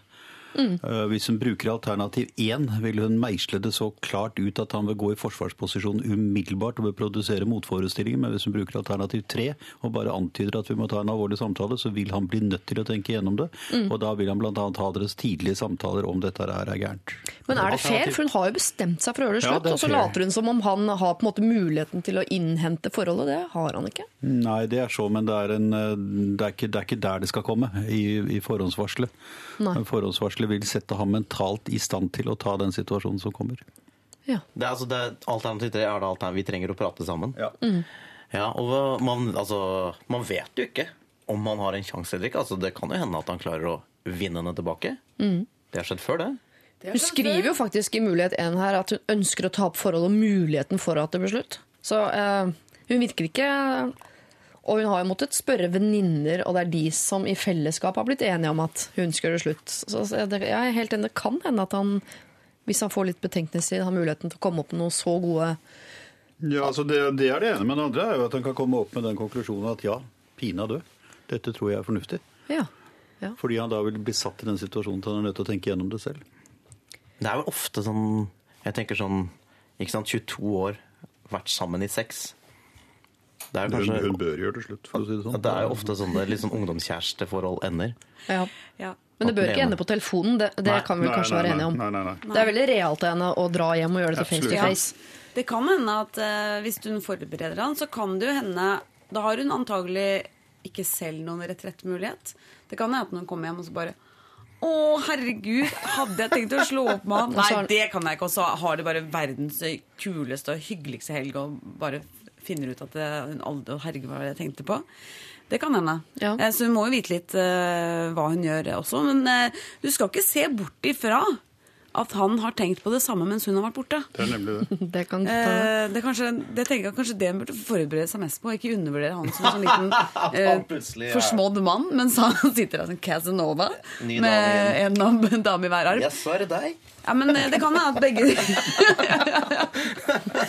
At begge har hatt det godt av å være borte fra hverandre. Det høres veldig fint ut på en måte også. Så det er som en drømmeslutt, nærmest. Føler jeg nå at nå fader de fra hverandre, og de bare bestemte på, på hver sin kant Og de har prøvd å være fra hverandre, ikke Ja. minst, selv om de liksom på en måte var sammen, men med avstand imellom. Det er ikke overgangen så stor til å ikke ha, være sammen. Hvis det har vært samboer, for så er jo overgangen litt større. Men, eh, så det er ingen som syns det er slemt med denne forvarselen? Nei, det syns jeg ikke. Nei, det er jo den ryddige måten å gjøre det på. Det mye Eh, Men altså Trenge å prate sammen. En sånn rund, fin formulering eh, som likevel får han til å skjønne at eh, du, her er ikke alt tipp topp. Eh, det er fint, det. Men risikerer hun også at han sier eh, ja, jeg skjønner at du kommer til å gjøre slutt, du trenger ikke å komme hit. Ja, men da Det. Ja, det, er, Det- det er mulig, men altså so what? Det er ikke, det er ikke særlig sannsynlig. Det er, virker jo som de har et ryddig forhold. Hun sier jo at han er eh, hennes beste venn, ikke sant? Så de ja. Ja. Hun er jo livredd for å miste sin beste venn, men den, den, sjansen Det må hun ta. Altså, den, det gjør hun jo her. Det Det hun jo. Ja. Det må vi bare si. At eh, det å være venn med ekskjæresten, ha ekskjæresten som bestevenn Det funker en liten stund. Ja. Kanskje. Funker til den ene får seg ny kjæreste, og så blir det drama. Men de har mange felles ting sammen, da. Det er jo litt upraktisk, Ting sier er hun. ting. ja, ting er ting. Det kan man kjøpe på nytt. Hun er ja. 22. Ja. Hun er, jeg kan love henne at når hun er noen år eldre, så har hun ikke samme smak. Hun kommer til å bare sette inn alle tinga hos han typen, så slipper du å dra på Grønnemo med masse søppel etter hvert. Din... Som koster penger per kilo for øvrig når du skal hive. hvordan har din smak forandret seg på de siste 10-15 årene? Hva likte du da? Nei, det har ikke forandret seg så masse, egentlig. Nei.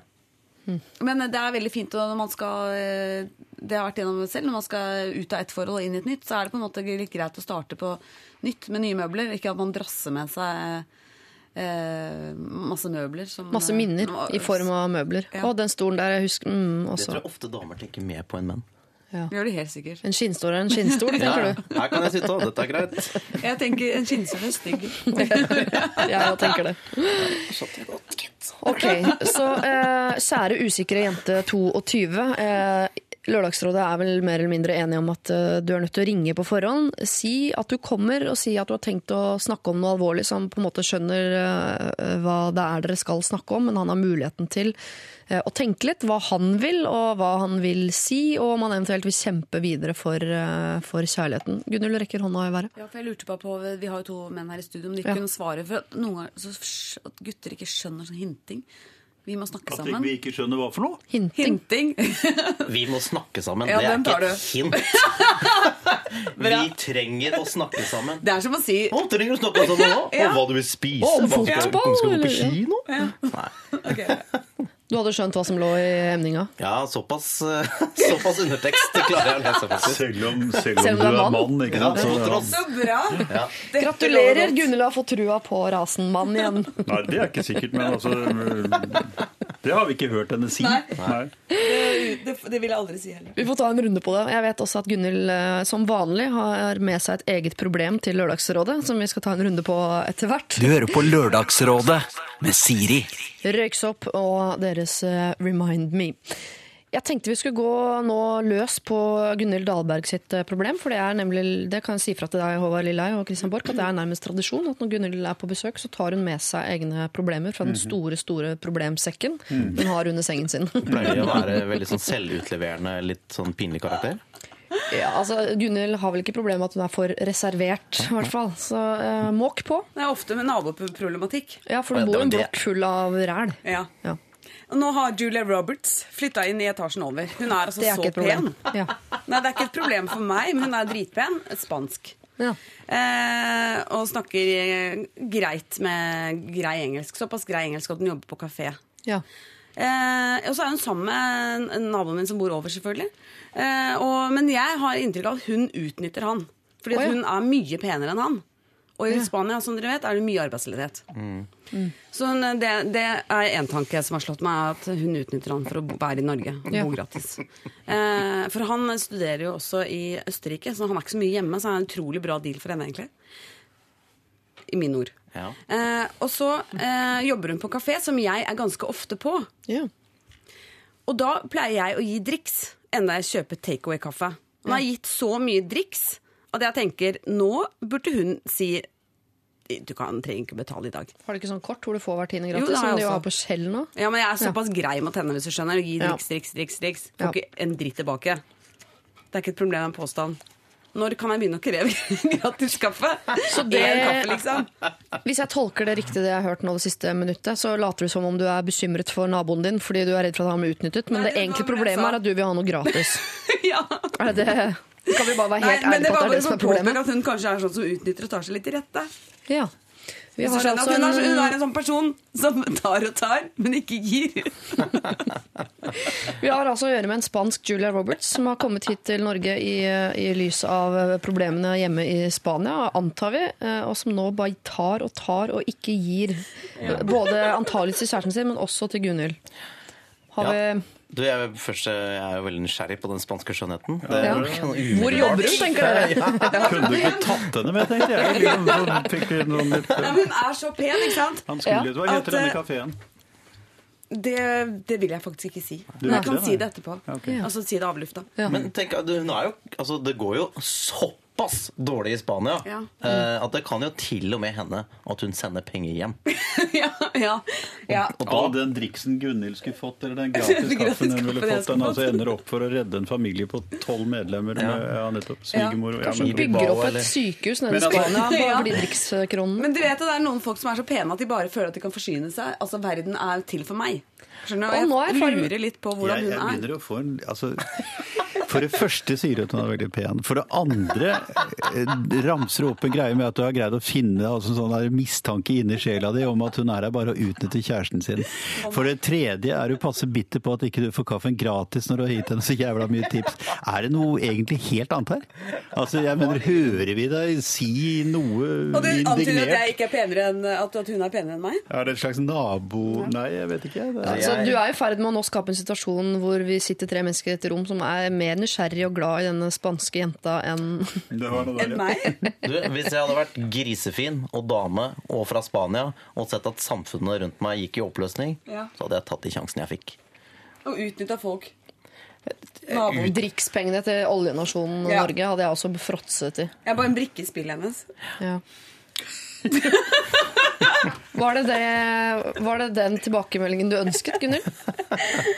Eh, Men er han, er han så eh, lite tiltalende? Altså, denne- nei, han er, han er grei. Ja, helt. Grei, hyggelig fyr. Men hun, hun er såpass over hans liga. Ja. Hun kunne gjort det veldig stort, jeg tenkt, hvis hun, hvis hun ville spille eh, Julia Roberts porn look-alike.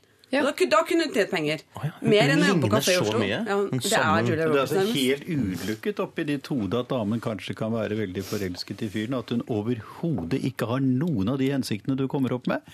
Og det kan ikke tenkes at du er full av fordommer fordi du syns hun er uforskammet pen og kaster skygger over alle andre damer i Men det er jo heller ikke kun en fordom. For Ja, det det- viser seg jo Unnskyld. Skulle du Ja, men jeg kan gå på skyte inn at jeg tenker først stygt om folk, og så må de bygge seg opp. Ja. For, at, for at jeg skal akseptere dem. Men det er Skal du jo innom sånn altså statistikkens verden? Jeg er Ja, innom statistikkens verden, og da kan jeg si det at uh, når, når kvinner velger partner, da, uh, eller liksom potensielt partner, når de krysser av liksom hva som er viktig for dem, så er jo økonomisk trygghet øverst på lista. Sånn statistisk sett fins ikke på en manns liste, mens på mannens liste så er jo utseendet høyere. Ja. Sånn at det kan jo hende at de på en eller annen måte Det er biologisk match. møtes der i statistikkens verden. At det, Ja. sånn, sånn, sånn Kjærlighet basert på statistikk igjen. Det er liksom et tilbakevendende tema her i dagens episode av Gunhild gir jo uttrykk for en sånn litt aparte norsk holdning. ikke sant? Ja. Jeg skjønte ikke helt hvem det var for så jeg dro til henne for sikkerhets skyld. Gjør det, du. Er. Det er det nærmeste vi kommer et råd her. Til Julie Roberts. Gunhild, jeg kan bare slenge på et sånn privat råd på slutten her. At eh, ta, og, ta deg sammen. rett og slett. Eh, vi går videre med Frank Ocean og hans Swim Good, og så får vi noen ordentlige problemer etterpå. Har du et ordentlig problem selv, så send det gjerne inn. Eller alfakrøll nrk.no eller P3 til 1987. Alle blir ikke tatt på alvor her, tydeligvis. Bra. Lørdagsrådet Oslo S og deres eh, Bislett stadion eh, hørte vi der. Og vi skal eh, altså lenger ut på landet enn Bislett stadion. Vi skal ha et, et bon bonderomantikkproblematikk, hvis jeg kan si det sånn. Et ordentlig problem. Hvor er Katrine Moholt? hun Julia Roberts, ja. Hun er og danser et eller annet sted, og jeg har da sko. Så vi får ta dette problemet, vi som sitter, sitter på gulvet. Kjære Lørdagsrådet. Jeg har et lite problem med kjæresten min. Vi har vært sammen i fem måneder og har det egentlig kjempebra i lag. Akkurat som et forhold skal være. Det er bare ett problem. Jeg er odelsjente på en stor gård med kyr. Han er vegetarianer. Han hater alt som har med å stenge inne og utnytte dyr for at vi skal få spise kjøtt og drikke melk. Siden jeg nå bor hjemme og han bor i samme bygd som meg, er det naturlig at jeg er mye hjemme på gården. Men når jeg skal jobbe i fjøset eller med andre ting som må gjøres på gården, så nekter han å være med. Han sier at han ikke støtter det vi driver med, og vil aldri sette sine ben inn i et fjøs. Dette fører til at mens jeg må være ute og arbeide, så sitter han inne og ser på TV. Det tærer litt på forholdet, og også fordi min familie ikke syns noe om oppførselen og meningene hans. Jeg ser for meg å ta over gården om noen år, og ønsker selvfølgelig at han da skal være med. Hva skal jeg gjøre? Vi har det kjempebra sammen utenom det der med gården. Hjelp meg, Lørdagsrådet. Hun kaller seg Elin, men det heter hun ikke egentlig.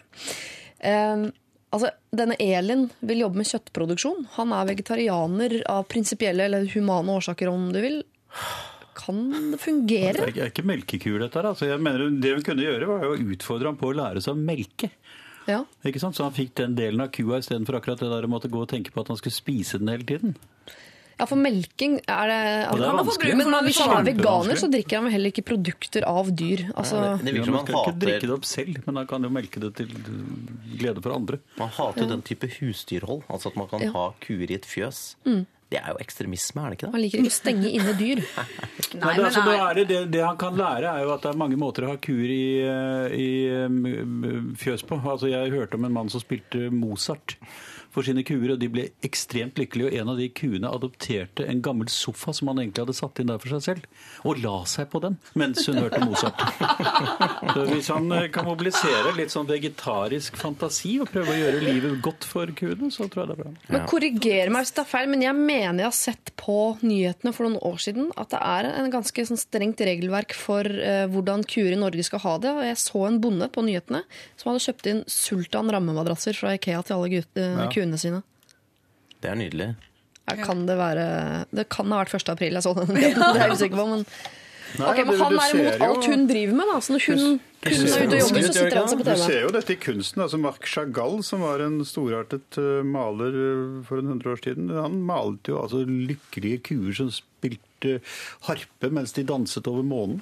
Eller Gun... eh, Gun Ah, Gunilla Holm gjør jo det samme i dag. En, Eh, Spiller harpe mens hun danser over månen. tegner, altså maler lykkelige kuer. Lykkelige De kjører kjører scooter og står på ski og holder på. Ja, altså, hvis hun da vil ta over denne gården, hvilket hun du sier hun vil, Ja, hun er odelsjente. ja, og og, og ønsker det eh, Jeg tror at den type uh, hva skal jeg si, prosjekt, det går ikke uten at man har det som felles prosjekt.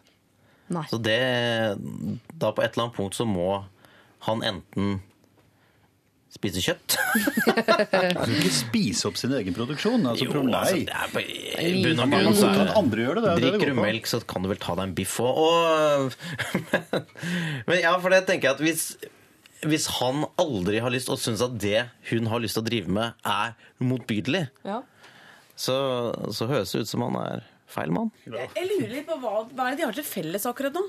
Eh, hva er det, for det høres ut som de har ganske forskjellige verdier i livet også. Eh, så det er jeg litt eh, nysgjerrig på.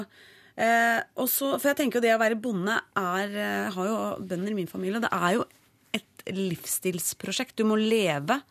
Eh, du har jo nesten ikke ferie. Det er ikke en 94-jobb Overhodet ikke, det er jo 21 dagers 24/7. sykemelding. Og, ja. Som det heter. Men jeg, altså, så hun kan jo ikke drive antageligvis den gården her alene, med mindre hun leier inn f.eks. spansk arbeidskraft. Julia Roberts fra Oslo, f.eks. Så jeg får med, men det vil jo bli nye problemer, for da får du en dritfin gårdsjente fra Men Spania. veldig ålreit for deg, så du ble kvitt henne? Ja, ja, det er sant. Jo, altså, jeg ser jo ikke, Dette trenger ikke nødvendigvis være et problem nå. Altså, Man har jo vært sammen med mye rart opp igjennom som ikke har delt samme syn. Man, altså, jeg har hatt- kjærester opp igjennom som ikke aner hva mener om noe som helst. Vi bare var forelska hverandre på grunnlag av jeg vet ikke hva. ikke sant? Men hvordan Men hadde det gått hvis du hadde bestemt deg for å begynne å produsere kjøtt? Ja, det er det på, på sikt, hvis hun skal jobbe på gård, og han nekter Fordi jeg mener, hun kan ikke kreve nå at ungdomskjæresten skal hjelpe til å måke i fjøset. Det syns jeg faktisk ikke hun kan kreve. Nei, ikke nå. Nei, hun kan, jeg syns det er greit at han ser på TV mens hun jobber i fjøset, når de er ungdomskjærester. Men altså, det er jo et litt sånn merkelig problem. fordi at Hvis hensikten med å ha kuer er kjøttproduksjon, så burde hun jo satse på Herefordshire eller noe annet som liker å være ute. Og gå ut i friluft og liksom ligge ute i sneen og sånn. Ja. Men dette er avgjørelser hun Ja, sikt. da skal det ikke være i fjøs i det hele tatt. det. tror jeg. Altså, det er stort sett melkekuer som er i fjøs. Ja, det vil si, Nå snakker jeg om noe jeg ikke har flisa greie på. Det gjør jeg ofte. Men altså, i større og mindre grad. Ja, det hender. Det hender, det hender. Men akkurat, akkurat her mener jeg, mener jeg altså faktisk å tro at den type fe som man da bruker til å lage biff av, den går ute for det meste. Du formulerer det uansett så elegant at Ja. man tar det som sant. Ja. Det er kunsten å kunne ljuge som Ja, man blir ja. trodd. Ja, det er imponerende. Være veltalt. Jeg kommer til å se på Men vi Urix neste gang med helt nye øyne. Dette kan ikke noen, kan det ikke. Men dere, eh, la oss si, eh, det er et lite problem i dag, men det kan potensielt bli et stort problem. For på sikt så er jo han nødt til å hjelpe til i fjøset. Er, eh, hva er viktig? Skal hun ta over gården, eller eh, skal hun droppe gården eller droppe kjæresten? Syns jeg nesten er problemet her. Jeg må bare si at jeg, For en døv fyr! Ja. Så, som, eh, som stiller seg sånn moralsk til doms over at foreldrene hennes er vanlige norske bønder. Så skal han sitte og se på TV. Han skal sitte og se på Skal vi danse, han, mens hun sparer Ja, men- fjøset. Hun jobber og jobber og jobber. Han sitter her Nei, jeg tror det er Urix han ser på. Jeg tror det er Han Urix. Han sitter og ser på Urix. Ja. Eller bonderomantikk. Sitter her og rister på huet. Men det må da gå an kan, Går det ikke an til å legge om litt, så han kan uh, ta, altså, ta en del av det? Jeg tenker Hvis man velger en odelsjente, så velger man en gård også. Ja. Eller så må man være med altså, Du det er han, et han tar kornet, hun tar fjøset? Ja, for eksempel. Han må bli med på det. Hvis ikke, så må en si fra seg gården eller han. Men her gir vi jo råd til han. Her gir vi jo mer eller mindre råd til hva han skal gjøre, men hva skal hun gjøre med han? Skal hun Så han virker litt umoden. De er jo unge sikkert da, ikke sant? Skal hun dumpe han nå fordi det potensielt kan komme til å bli et problem en dag? Ja, Hvis, hun- hvis, hun- hvis hun ikke tror at han kan få et mindre ekstremistisk syn på verden, Mm. så ville jeg gjort det. Men kan ikke vegetarianere helbredes? Jeg mener, kan ikke han se lys en dag? Altså, kanskje du skulle servere ham Det er en genetisk, det god Kjøttpille? Ja, du er som fra fødselen. Ja, Kjøttpille to ganger daglig i to måneder. Altså. Ja, eller bare få han til å spise sånn eh, kjøttbuljong. Nei. Jeg Du måtte ikke. ta det gradvis, ja. Sånn, uh, først en kopp buljong, og så liksom spe på med joikaboller, kanskje. Og så bygge seg opp mot en indrefilet av uh, et eller annet, hva heter disse belgiske kuene som ikke kan gå? Belgisk blå? Ja, belgisk blå, ja. Det var Japan. Du Eh, drakk ikke melk heller? Nei, Hva kaffe latte? Kjempegodt. Kaffe mokka? Dritgodt. Anbefales. er ikke så mye av det på landet, altså. Nei, men det er det de kan starte. Han kan starte Jo, hvis Julia. Robert kommer. Julia Roberts kommer, ja! Da blir det orden på sakene. Herregud, hun skal være løsningen på verden. Men vi er nødt til å finne en løsning på dette. For det, jeg bare, jeg, er én ting jeg ser som jeg prøver å lede dere inn på her. Nå må jeg bare innrømme at jeg prøver å lede dere, for at jeg Ja, klarte det ikke. Så det som si det alltid er- ut. Det som er så alltid problemet for meg, er at jeg alltid får lyst til liksom å konkludere så hardt. Ja, gjør det. Og så føler jeg at det er kanskje åh, nå blir du han kjipe igjen, men jeg, kan jeg få lov til å konkludere hardt? Ja, dump han. Gå fra han fyren, vær så snill. Kom deg videre. Men da skal, jeg, eh, da skal du møte litt motstand her på, på høyresida di. Fordi ja. skal, de er ungdomskjærester. Skal hun, de har det kjempefint sammen. Problemene i deres forhold er framtidsproblemer. og vi vet ikke, Han kan godt hende at han slutter å være vegetarianer. Og det kan godt hende hun slutter å ha lyst til å bli odelsjente og heller vil drive med noe med media som folk flest.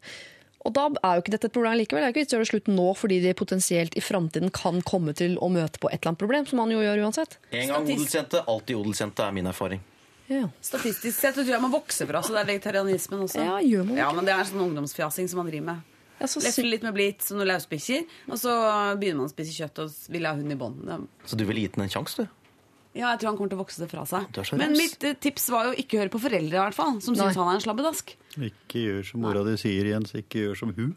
Nei, nettopp. Mora di er ei ku. Var det Ja. ikke det? Dermed. Det føler jeg da er Da er ikke vits å konkludere mer etter den. Eh, Nei, jeg syns du har konkludert så det. det søkker i jorda her. Altså, dette her foreløpig har vært riktig bra. Kan du gjenta det du en gang til, Christian Borch, så skal jeg ikke komme inn med noe etterpå. Bare si det en gang til. Hva da? Det, gjør det, det som var på rim. Uh, ja, det er altså Er det ikke Rim til Ole, Paus. Paus. Ole Paus, ja?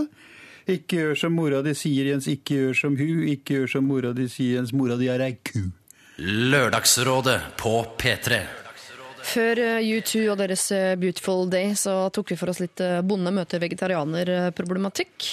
Og har fått inn ganske mange eh, meldinger til Lørdagsrådet på at eh, bonde-odelsjenta må gå fra eh, vegetarianeren, annet den her hvor det står at hun kunne sagt hun, uh, Kudama kan si til typen sin at hun ikke syns det er greit at han spiser maten til maten hennes. Det er en måte å formulere det på. Med meg i Lørdagsrådet i dag så har jeg eh, Gunhild Dahlberg, Christian Borch og Håvard eh, Lilleheie. Og vi har fortsatt noen problemer igjen å løse innen klokken er tolv.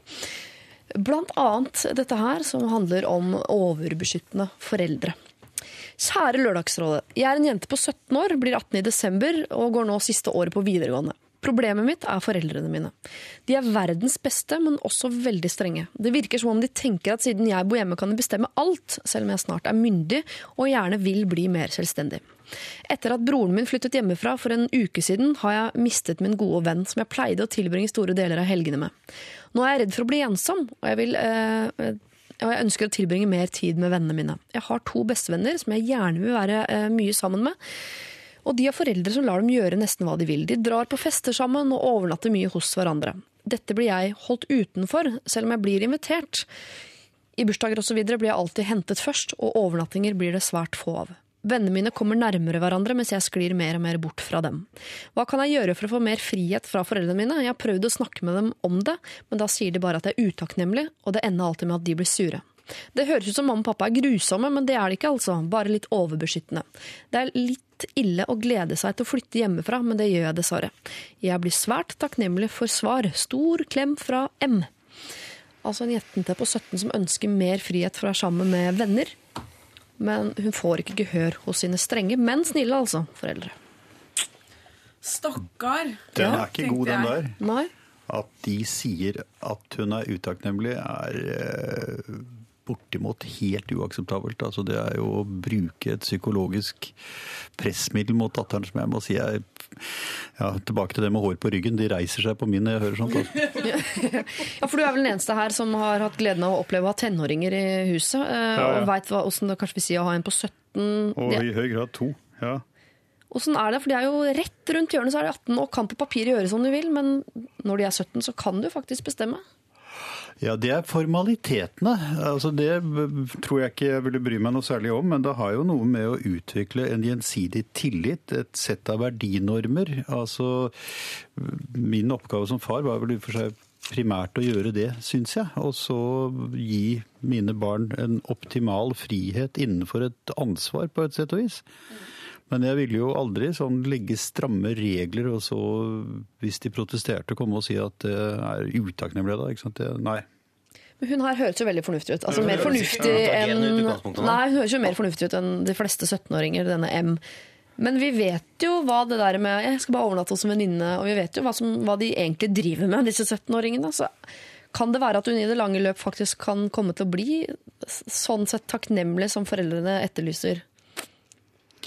Nei, det tror jeg ikke. Det tror jeg faktisk ikke. Nei.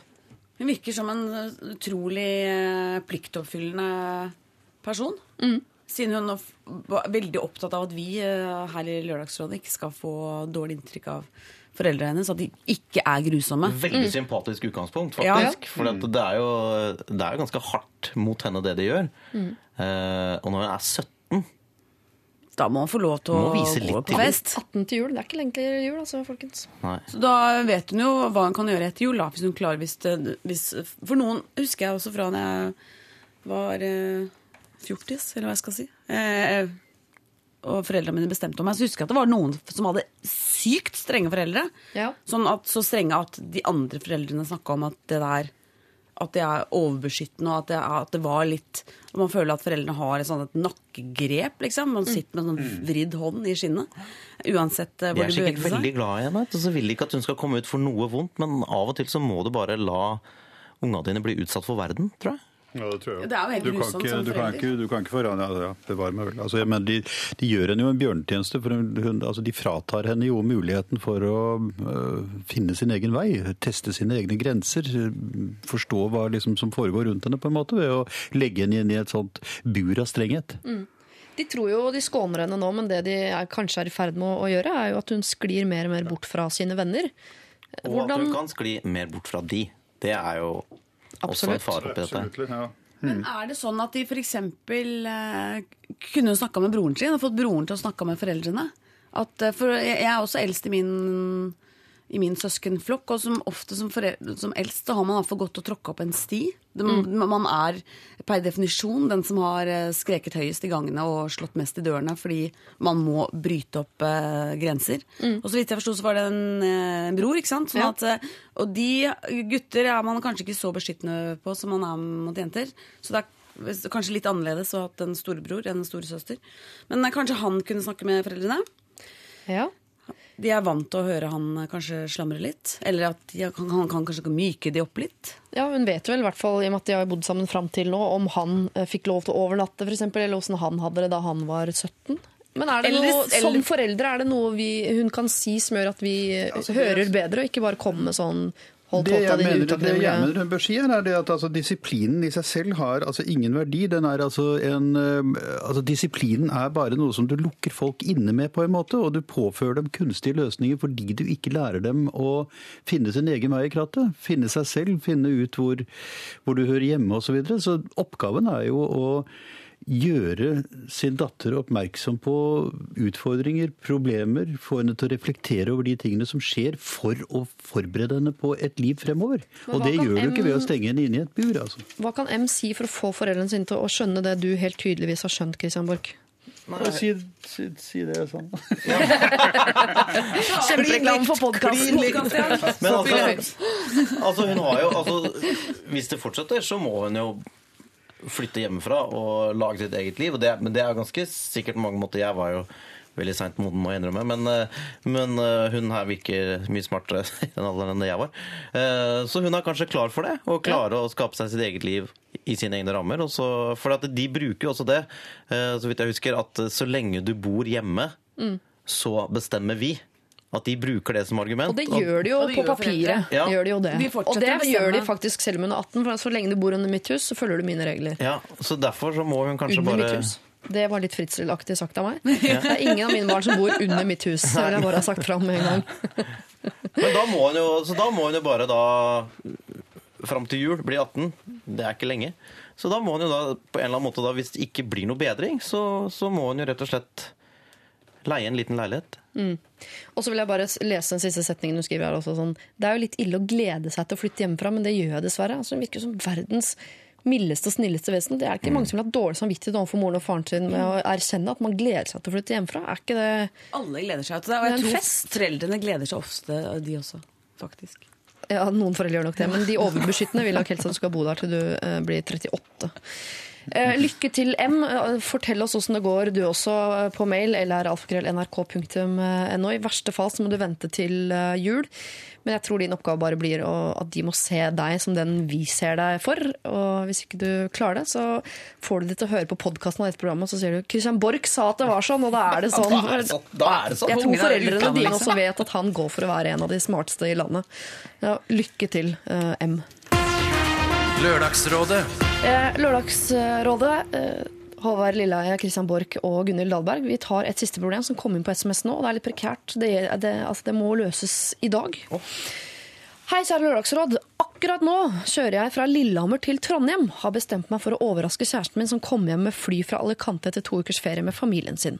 Det er nå nesten tre uker siden vi har sett hverandre, og hun vet ikke noe om dette. Moren vet at jeg kommer og kan være noe til hjelp om det trengs. Hva er den beste måten å overraske henne på? Jeg har noen alternativer. Møte henne på flyplassen, på Ikea, eller bare stå langs veikanten, eller andre forslag. Hilsen gutt 22. Vi kjører fra Lillehammer til Trondheim for å overraske kjæresten sin. Ja, det er flott. Den veikanten-tingen syns jeg er Ja, ja, Veikantgreia falt jeg for også. Så kjører. Med blomster. Altså et stort skilt. Ja. Ja. Så får man en så stor plakat, stor hvit plakat, man tusjer eh, Eller kan kjøpe sprayboks til et eller annet. Navnet hennes. Ja, for eksempel. Det er sånn, eh, sånn fransk spillefilmkvalitet over den ideen der. Altså Ikea må jeg si Ja. falt meg ganske sånn tungt for labben her. Den hørtes prosaisk ut. I en sofa fra På fly, IKEA. flyplassen der er det liksom alltid mye virvar og sånn, så nei, den nei, Tommel ned for flyplassen, men jeg er åpen for andre forslag òg. Altså hvis det er noen som kommer på noe helt sånn Jo, men den der med veikanten med Ja, det er blomster og helt svær ny, plakat. Altså, nei, den var eh, med eller uten svær plakat, men i hvert fall med blomster. Nei, den Champagne. Syns jeg er strålende. Ja. Som en kan drikke på vei inn til byen. Ja. Har reservert et bord. Det er synd hvis ikke er plass til den i bilen. Da. Hvis den er full av bagasje, så står den der, så må de liksom vinke og kjøre forbi. Og så Og han har jo egen bil, så, Ja, det hun, så hun hopper nå hopper av. over i hans bil, og så kjører de sammen. Det. De kommer sikkert med flybussen, flybussene, ikke sant? for de har ikke hatt sånn treukersparkering på Værnes. Hun drar i nødbremsen når hun ser ham, ikke sant? Ja. Ja. Ja, men hvis det kommer fly, han flybussjåføren, han er ikke den blide typen. Han Jo. stopper ikke fordi det står en En sånn bussjåfør eh, det er en mann med godt Ja. humør, så dette skjønner jeg ja. Folk vil ha det til det, men Ikke ikke så ofte det, egentlig. Ja, men jeg, jeg, vil- Ikke for å Nei, men jeg vil jo tro at uh, Han sier at moren kan være noe til hjelp. moren så, så, Ja. sannsynligvis så henter jo de henne på flyplassen. Jeg tror vi slipper unna flybussproblematikken. De skal rett på Ikea, de skal ikke med buss, flybuss med, til Ikea. med, familien. Moren er jo med. Ja, skal Går det flybuss direkte fra Værnes til Ikea? Men dette er småtteri praktisk. Dette, dette ordner seg, liksom. Moren er med, hun sørger for at ting kommer til å skli. Ja. Men og jeg så ba han må bare stå der. Jeg er nysgjerrig på det. Det er en veldig, altså For en familie som etter tre uker på ferie så tenkte sånn, skulle stikke innom Ikea, som jo er noe av det slits, mest slitsomme som Ja, fins. jeg skjønte ikke helt hvor den eh, ideen kom Ja, med mindre de er veldig sånn, for det går jo alltid gratisbuss til Ikea, at det kanskje er ganske en sånn, eh, at de har litt dårlig økonomi, at de må ta en sånn mjølkerute hjem. Sånn, da tar vi gratisbussen til Ja, Ikea, mener- derfra ned så går det, er mener nedoverbakke til Ikea-buss fra Værnes? Altså fra Det Værnes til Ikea. Det ser rart ut. Enhver person som lander på Værnes, vil ha en ubendig trang til å gå på Ikea før de kommer hjem. En liten runde i ballrommet før, bare for å få liksom en myk over. Det kan jo hende siden det virker som han har et nært forhold til hennes mor. Ja. At hun har liksom gitt han en slags Nå har du vært så god mot uh, dattera mi så lenge at eh, i dag skal vi innom og kjøpe dobbelt sultanmadrass til dere. Altså. når dere bor det hos var oss. det vi skulle ha i fjøset. Ja, ja. Ok, så eh, Vi går rett og slett for eh, alternativ tre, som han eh, skisserer opp selv. Stå, ja. langs, altså stå i veikanten. Men allier deg der med mor, så at de ikke bare kjører forbi. Det er så nitrist. Allier deg med mor. Men det, det har han allerede det, det har han tenkt på. Åh, for en sjarmerende gutt ja, som der- kjører fra den- Lillehammer til Trondheim for å glede kjæresten sin. Dette var det sus over. Dette var en strålende ting å ta opp på slutten, syns jeg. Ja. Det er et litt døvt tips, men jeg må minne om at du må sette og ta på deg refleksvesten når du står i veikanten. Det er så mye grisete kjøring i Trøndelag! Så ikke bli påkjørt. Så ikke møter en sånn død mann. Vi skal straks eh, dele ut en, eh, eh, en T-skjorte til en av de som har vært så altså rause og dele sine problemer med oss i dag. Men før vi gjør det, så må jeg ta også rådføre meg litt med min tekniker Jonas. Skru Ja. av mikrofonen til rådgiveren, er du snill. Ja. Skru de av. Jeg har av de. Jeg vil, jeg vil ikke ha innspill fra de. Skal vi gi en sånn lokfører-T-skjorte til han på 22? Ja, Som vi nettopp tok nå. absolutt. Da blir det en uh, lokfører-T-skjorte. Da tror jeg vi er oppe i lokfører-T-skjorte nummer seks fra Lørdagsrådet, som eh, går ut da til gutt 22, som er så nydelig og søt at han kjører fra Lillehammer eh, til Trondheim for å glede kjæresten sin. Og så legger jeg ut et bilde på Facebook av hvordan T-skjorta ser ut. Ja, gjør det. Eh, Vi eh, i Lørdagsrådet er tilbake rett etter Mojo og eh, låta 'Lady', og deler ut da ordinære P3-T-skjorter til en av de som har delt problemet sitt her med oss eh, i dag. Du hører på Lørdagsrådet med Siri Kristiansen. Mojo fikk vi der, og deres eh, Lady Hear Me Tonight her i Lørdagsrådet. Eh, Jeg må også nå, denne gangen på oppfordring fra Håvard Lilleheie, få si til deg, gutt 22 på vei fra Lillehammer til Trondheim, at du, du også må gi oss eh, en tilbakemelding på hvordan dette her går. Blir du stående i veikanten, og hvor, foreldre, altså, hvor glad blir kjæresten din, osv. Da på mail lralfagrøll.nrk.no. Eh, nå skal dere dele ut en T-skjorte til en av de som har delt sitt problem med oss eh, i dag. Eh, Håvard, Christian og Gunhild. Jeg skal bare gi dere noen stikkord på, på hvem vi har hjulpet i dag. En ung gutt som er frustrert over at kjæresten snorker, slik at han må sove på sofaen, men hun ler av han når han sier at det er et problem. En annen gutt er altfor snill. Han klarer ikke å si nei til noen ting, og ender ofte opp med å være med på ting han ikke har lyst til i det hele tatt. Så har vi en kvinne da, som har forelsket seg i en gift mann, men ønsker ikke å være bare den andre kvinnen. Og hun lurer på om hun kan presse han til å gå fra kone og barn. Så har vi nok en mann med problemer. Denne gangen er det hårvekst på rygg. Så har vi hun som skal gjøre det slutt neste gang hun ser kjæresten sin, men lurer på om hun skal for forberede han på det før hun kom på besøk. En annen ung jente er redd for å henge etter i sin vennegjeng fordi hun ikke får lov til så mye av sine snille, men overskyttende foreldre. Og så var det hun odelsjenta som driver en gård som driver med bl.a. kjøttproduksjon, eh, men som har forelsket seg i en vegetarianer. Hvem fortjener altså dagens T-skjorte? Kan jeg kaste meg på? Alle kan kaste seg på. Ja. Jeg, jeg syns hun som hadde innlatt seg med gift mann, det er den tyngste problemstillingen.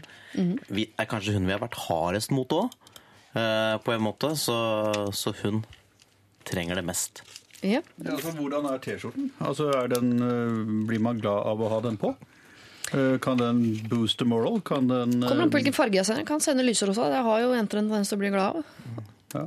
Er det sånn jentesnitt på den òg? Ja. Ja, det er bra. Jeg er helt enig med Håvard at den, hun har de, helt, det tyngste problemet og helt åpenbart den vanskeligste oppgaven foran seg. Og det, I den grad en T-skjorte kan være oppmuntrende Jeg kan liksom Ja, jeg forutsetter at det er det. Har du noen gang blitt glad for Ellers kan vi gi til Gunhild, som har problemer med hun spanske, hun spanske pene naboen sin. Det er blir ikke noe T-skjorte, Gunhild. Og det er fordi at da skal du ha genseren min. Hvis den T-skjorta er, er forferdelig stygg, så kan vi jo gi den til Gunhild, så kan hun gi den til Julia Roberts, så kan vi håpe at ikke Julia Roberts kaster sånne lange skygger når hun går gjennom oppgangen oppgangene på kafeen. og hvis ikke du ler av dette, så er det fordi du har skrudd på for seint, og da er det bare å laste ned podkast. Altså. Men Gunhild, du er med å avgjøre dette. Ja, jeg er litt det er, så, det er så mange som innleder forhold til gifte folk, så jeg syns ikke de fortjener noe premie overhodet. Sånn T-skjorte. Ja, for hun har jo selv gitt seg dette problemet på en eller annen måte. Ja, så Hun har sikkert masse andre T-skjorter hun kan gråte i når dette forholdet her tar slutt. Så jeg vil gi denne T-skjorta eh, til, hvis jeg kan velge, til hun som har strenge foreldre. Ja, Da må du overbevise dine to mannlige kollegaer. For dere er Hun nødt til å bli så. Det strenge blir bare foreldre, hun får sikkert ikke klær heller. Ja, men for at, altså, og det er, det er veldig Det er også et Hun har jo et reelt uh, bra problem. Men jeg, men jeg bare liksom det var et, Etter vi hadde vært inne og snakka om hun som hadde innleda forhold med giftmann, så tenkte jeg og det var ganske Det var litt hardt, det var litt nådeløst, eh, noe av det som kom fra meg. Og hun, hun er Det er hun som er i virkelig deep shit her. Ja, det er faktisk det. Ja, ja men, men hvis hun skal ha den T-skjorta, da må hun love å gjøre det slutt med han fyren. Bestille seg en jorda rundt-billett. Dra til Antarktis, dra til Machu Picchu, dra til Vietnam, dra til Alta. Alta, ha det det gøy. Mm, aldri stemme her. Vi kan jo ikke gi T-skjorten med Ja, trenger jo klærne, skal så vi kan uten jo- forbehold. Vi kan jo gi den til han med ulvehår på ryggen også, slik at ikke såret blir, håret så Sånn. Han kan få en høyhalset T-skjorte. Men da blir det rosa med jentesnitt og Ja, ulvehår på ryggen. Motvirker, type. det motvirker effekten av ulvehår på rygg i betydelig grad, tror jeg. Rosa T-skjorte. Ja. Er det sånn at vi må enes, eller blir det avstemning? Ja, men det, jeg føler at dere i høy grad gjorde det nå. Gunnhild var ganske med på den med hun eh, som har et forhold til en gift mann. Altså. Ja, men da må hun gjøre det slutt også. Komme seg ut og ha det gøy. Du eh, som er eh, i deep shit, som Christian liksom. Borch sier, eller altså da har innledet et forhold til en gift mann, du får dagens T-skjorte. Gunhild mener da at du er nødt til å gå fra denne fyren. Det velger du selv, velger jeg da å legge til. Eh, vi eh, skal hvert øyeblikk, eller jeg skal hvert øyeblikk få lov til å fortelle dere litt eh, hvordan eh, Eller gi et nytt eh, tips, faktisk, til denne mannen som er plaget med hår på ryggen, for han har fått noen konkrete tips fra en annen ulvefrend der ute. Eh, men vi sier tusen takk til dagens rådgivere, Håvard Lilleheie, Christian Borch og Gunhild Dahlberg. Ha en fortreffelig lørdag videre. Takk for meg. Det var veldig hyggelig, altså. Vi har som dere har hørt i dag hjulpet bl.a. en fyr eh, som var, eh, har begynt å få hår på ryggen og var litt usikker på hva han skulle gjøre med det. Han har fått eh, eh, mail fra en artsfrende som jeg tenkte jeg skulle lese høyt. Jeg hørte om gutten mannen som var plaget med hårvekst på ryggen. Jeg har nå passert 40 selv, men opplevde i midten av 20-årene en litt plagsom hårvekst på ryggen. Jeg tok motet til meg og dro på en klinikk for det som kalles eh, damer, eller altså det er et damested. Her blir du møtt av hyggelige mennesker som hjelper deg med problemet. Jeg har valgt voksing av rygg, noe som for øvrig har gitt meg en stor forståelse for hva dere kvinner går gjennom med voksing av diverse andre områder. Smertene første gangen er ute av verden, men man venner seg til alt. Jeg vokser nå kanskje en gang hver annen måned, og det skal sies at jeg er en mann med stor selvtillit, men det å få fjernet rygghår gjør ting enda bedre. Takk for eh, topp program, superprogram, står det. Med vennlig hilsen eh, Morten. Det er veldig hyggelig, Morten, med sånne eh, tilbakemeldinger. Så gå og få vokset ryggen, rett og slett. Tusen takk for i dag. Podkast gjerne dagens sending. Det har vært en fest fra ende til annen med Kristian Borch, Gunhild Dahlberg og Håvard Lilleheie. Det gjør du da i iTunes eller p3.no-podkast. Eh, nå er det Radioresepsjonen som i går vant to priser for eh, sitt eh, radioprogram, og du får eh, Best of rett etter nyhetene. Men fram dit, The Killers. Dette her er eh, Runaways.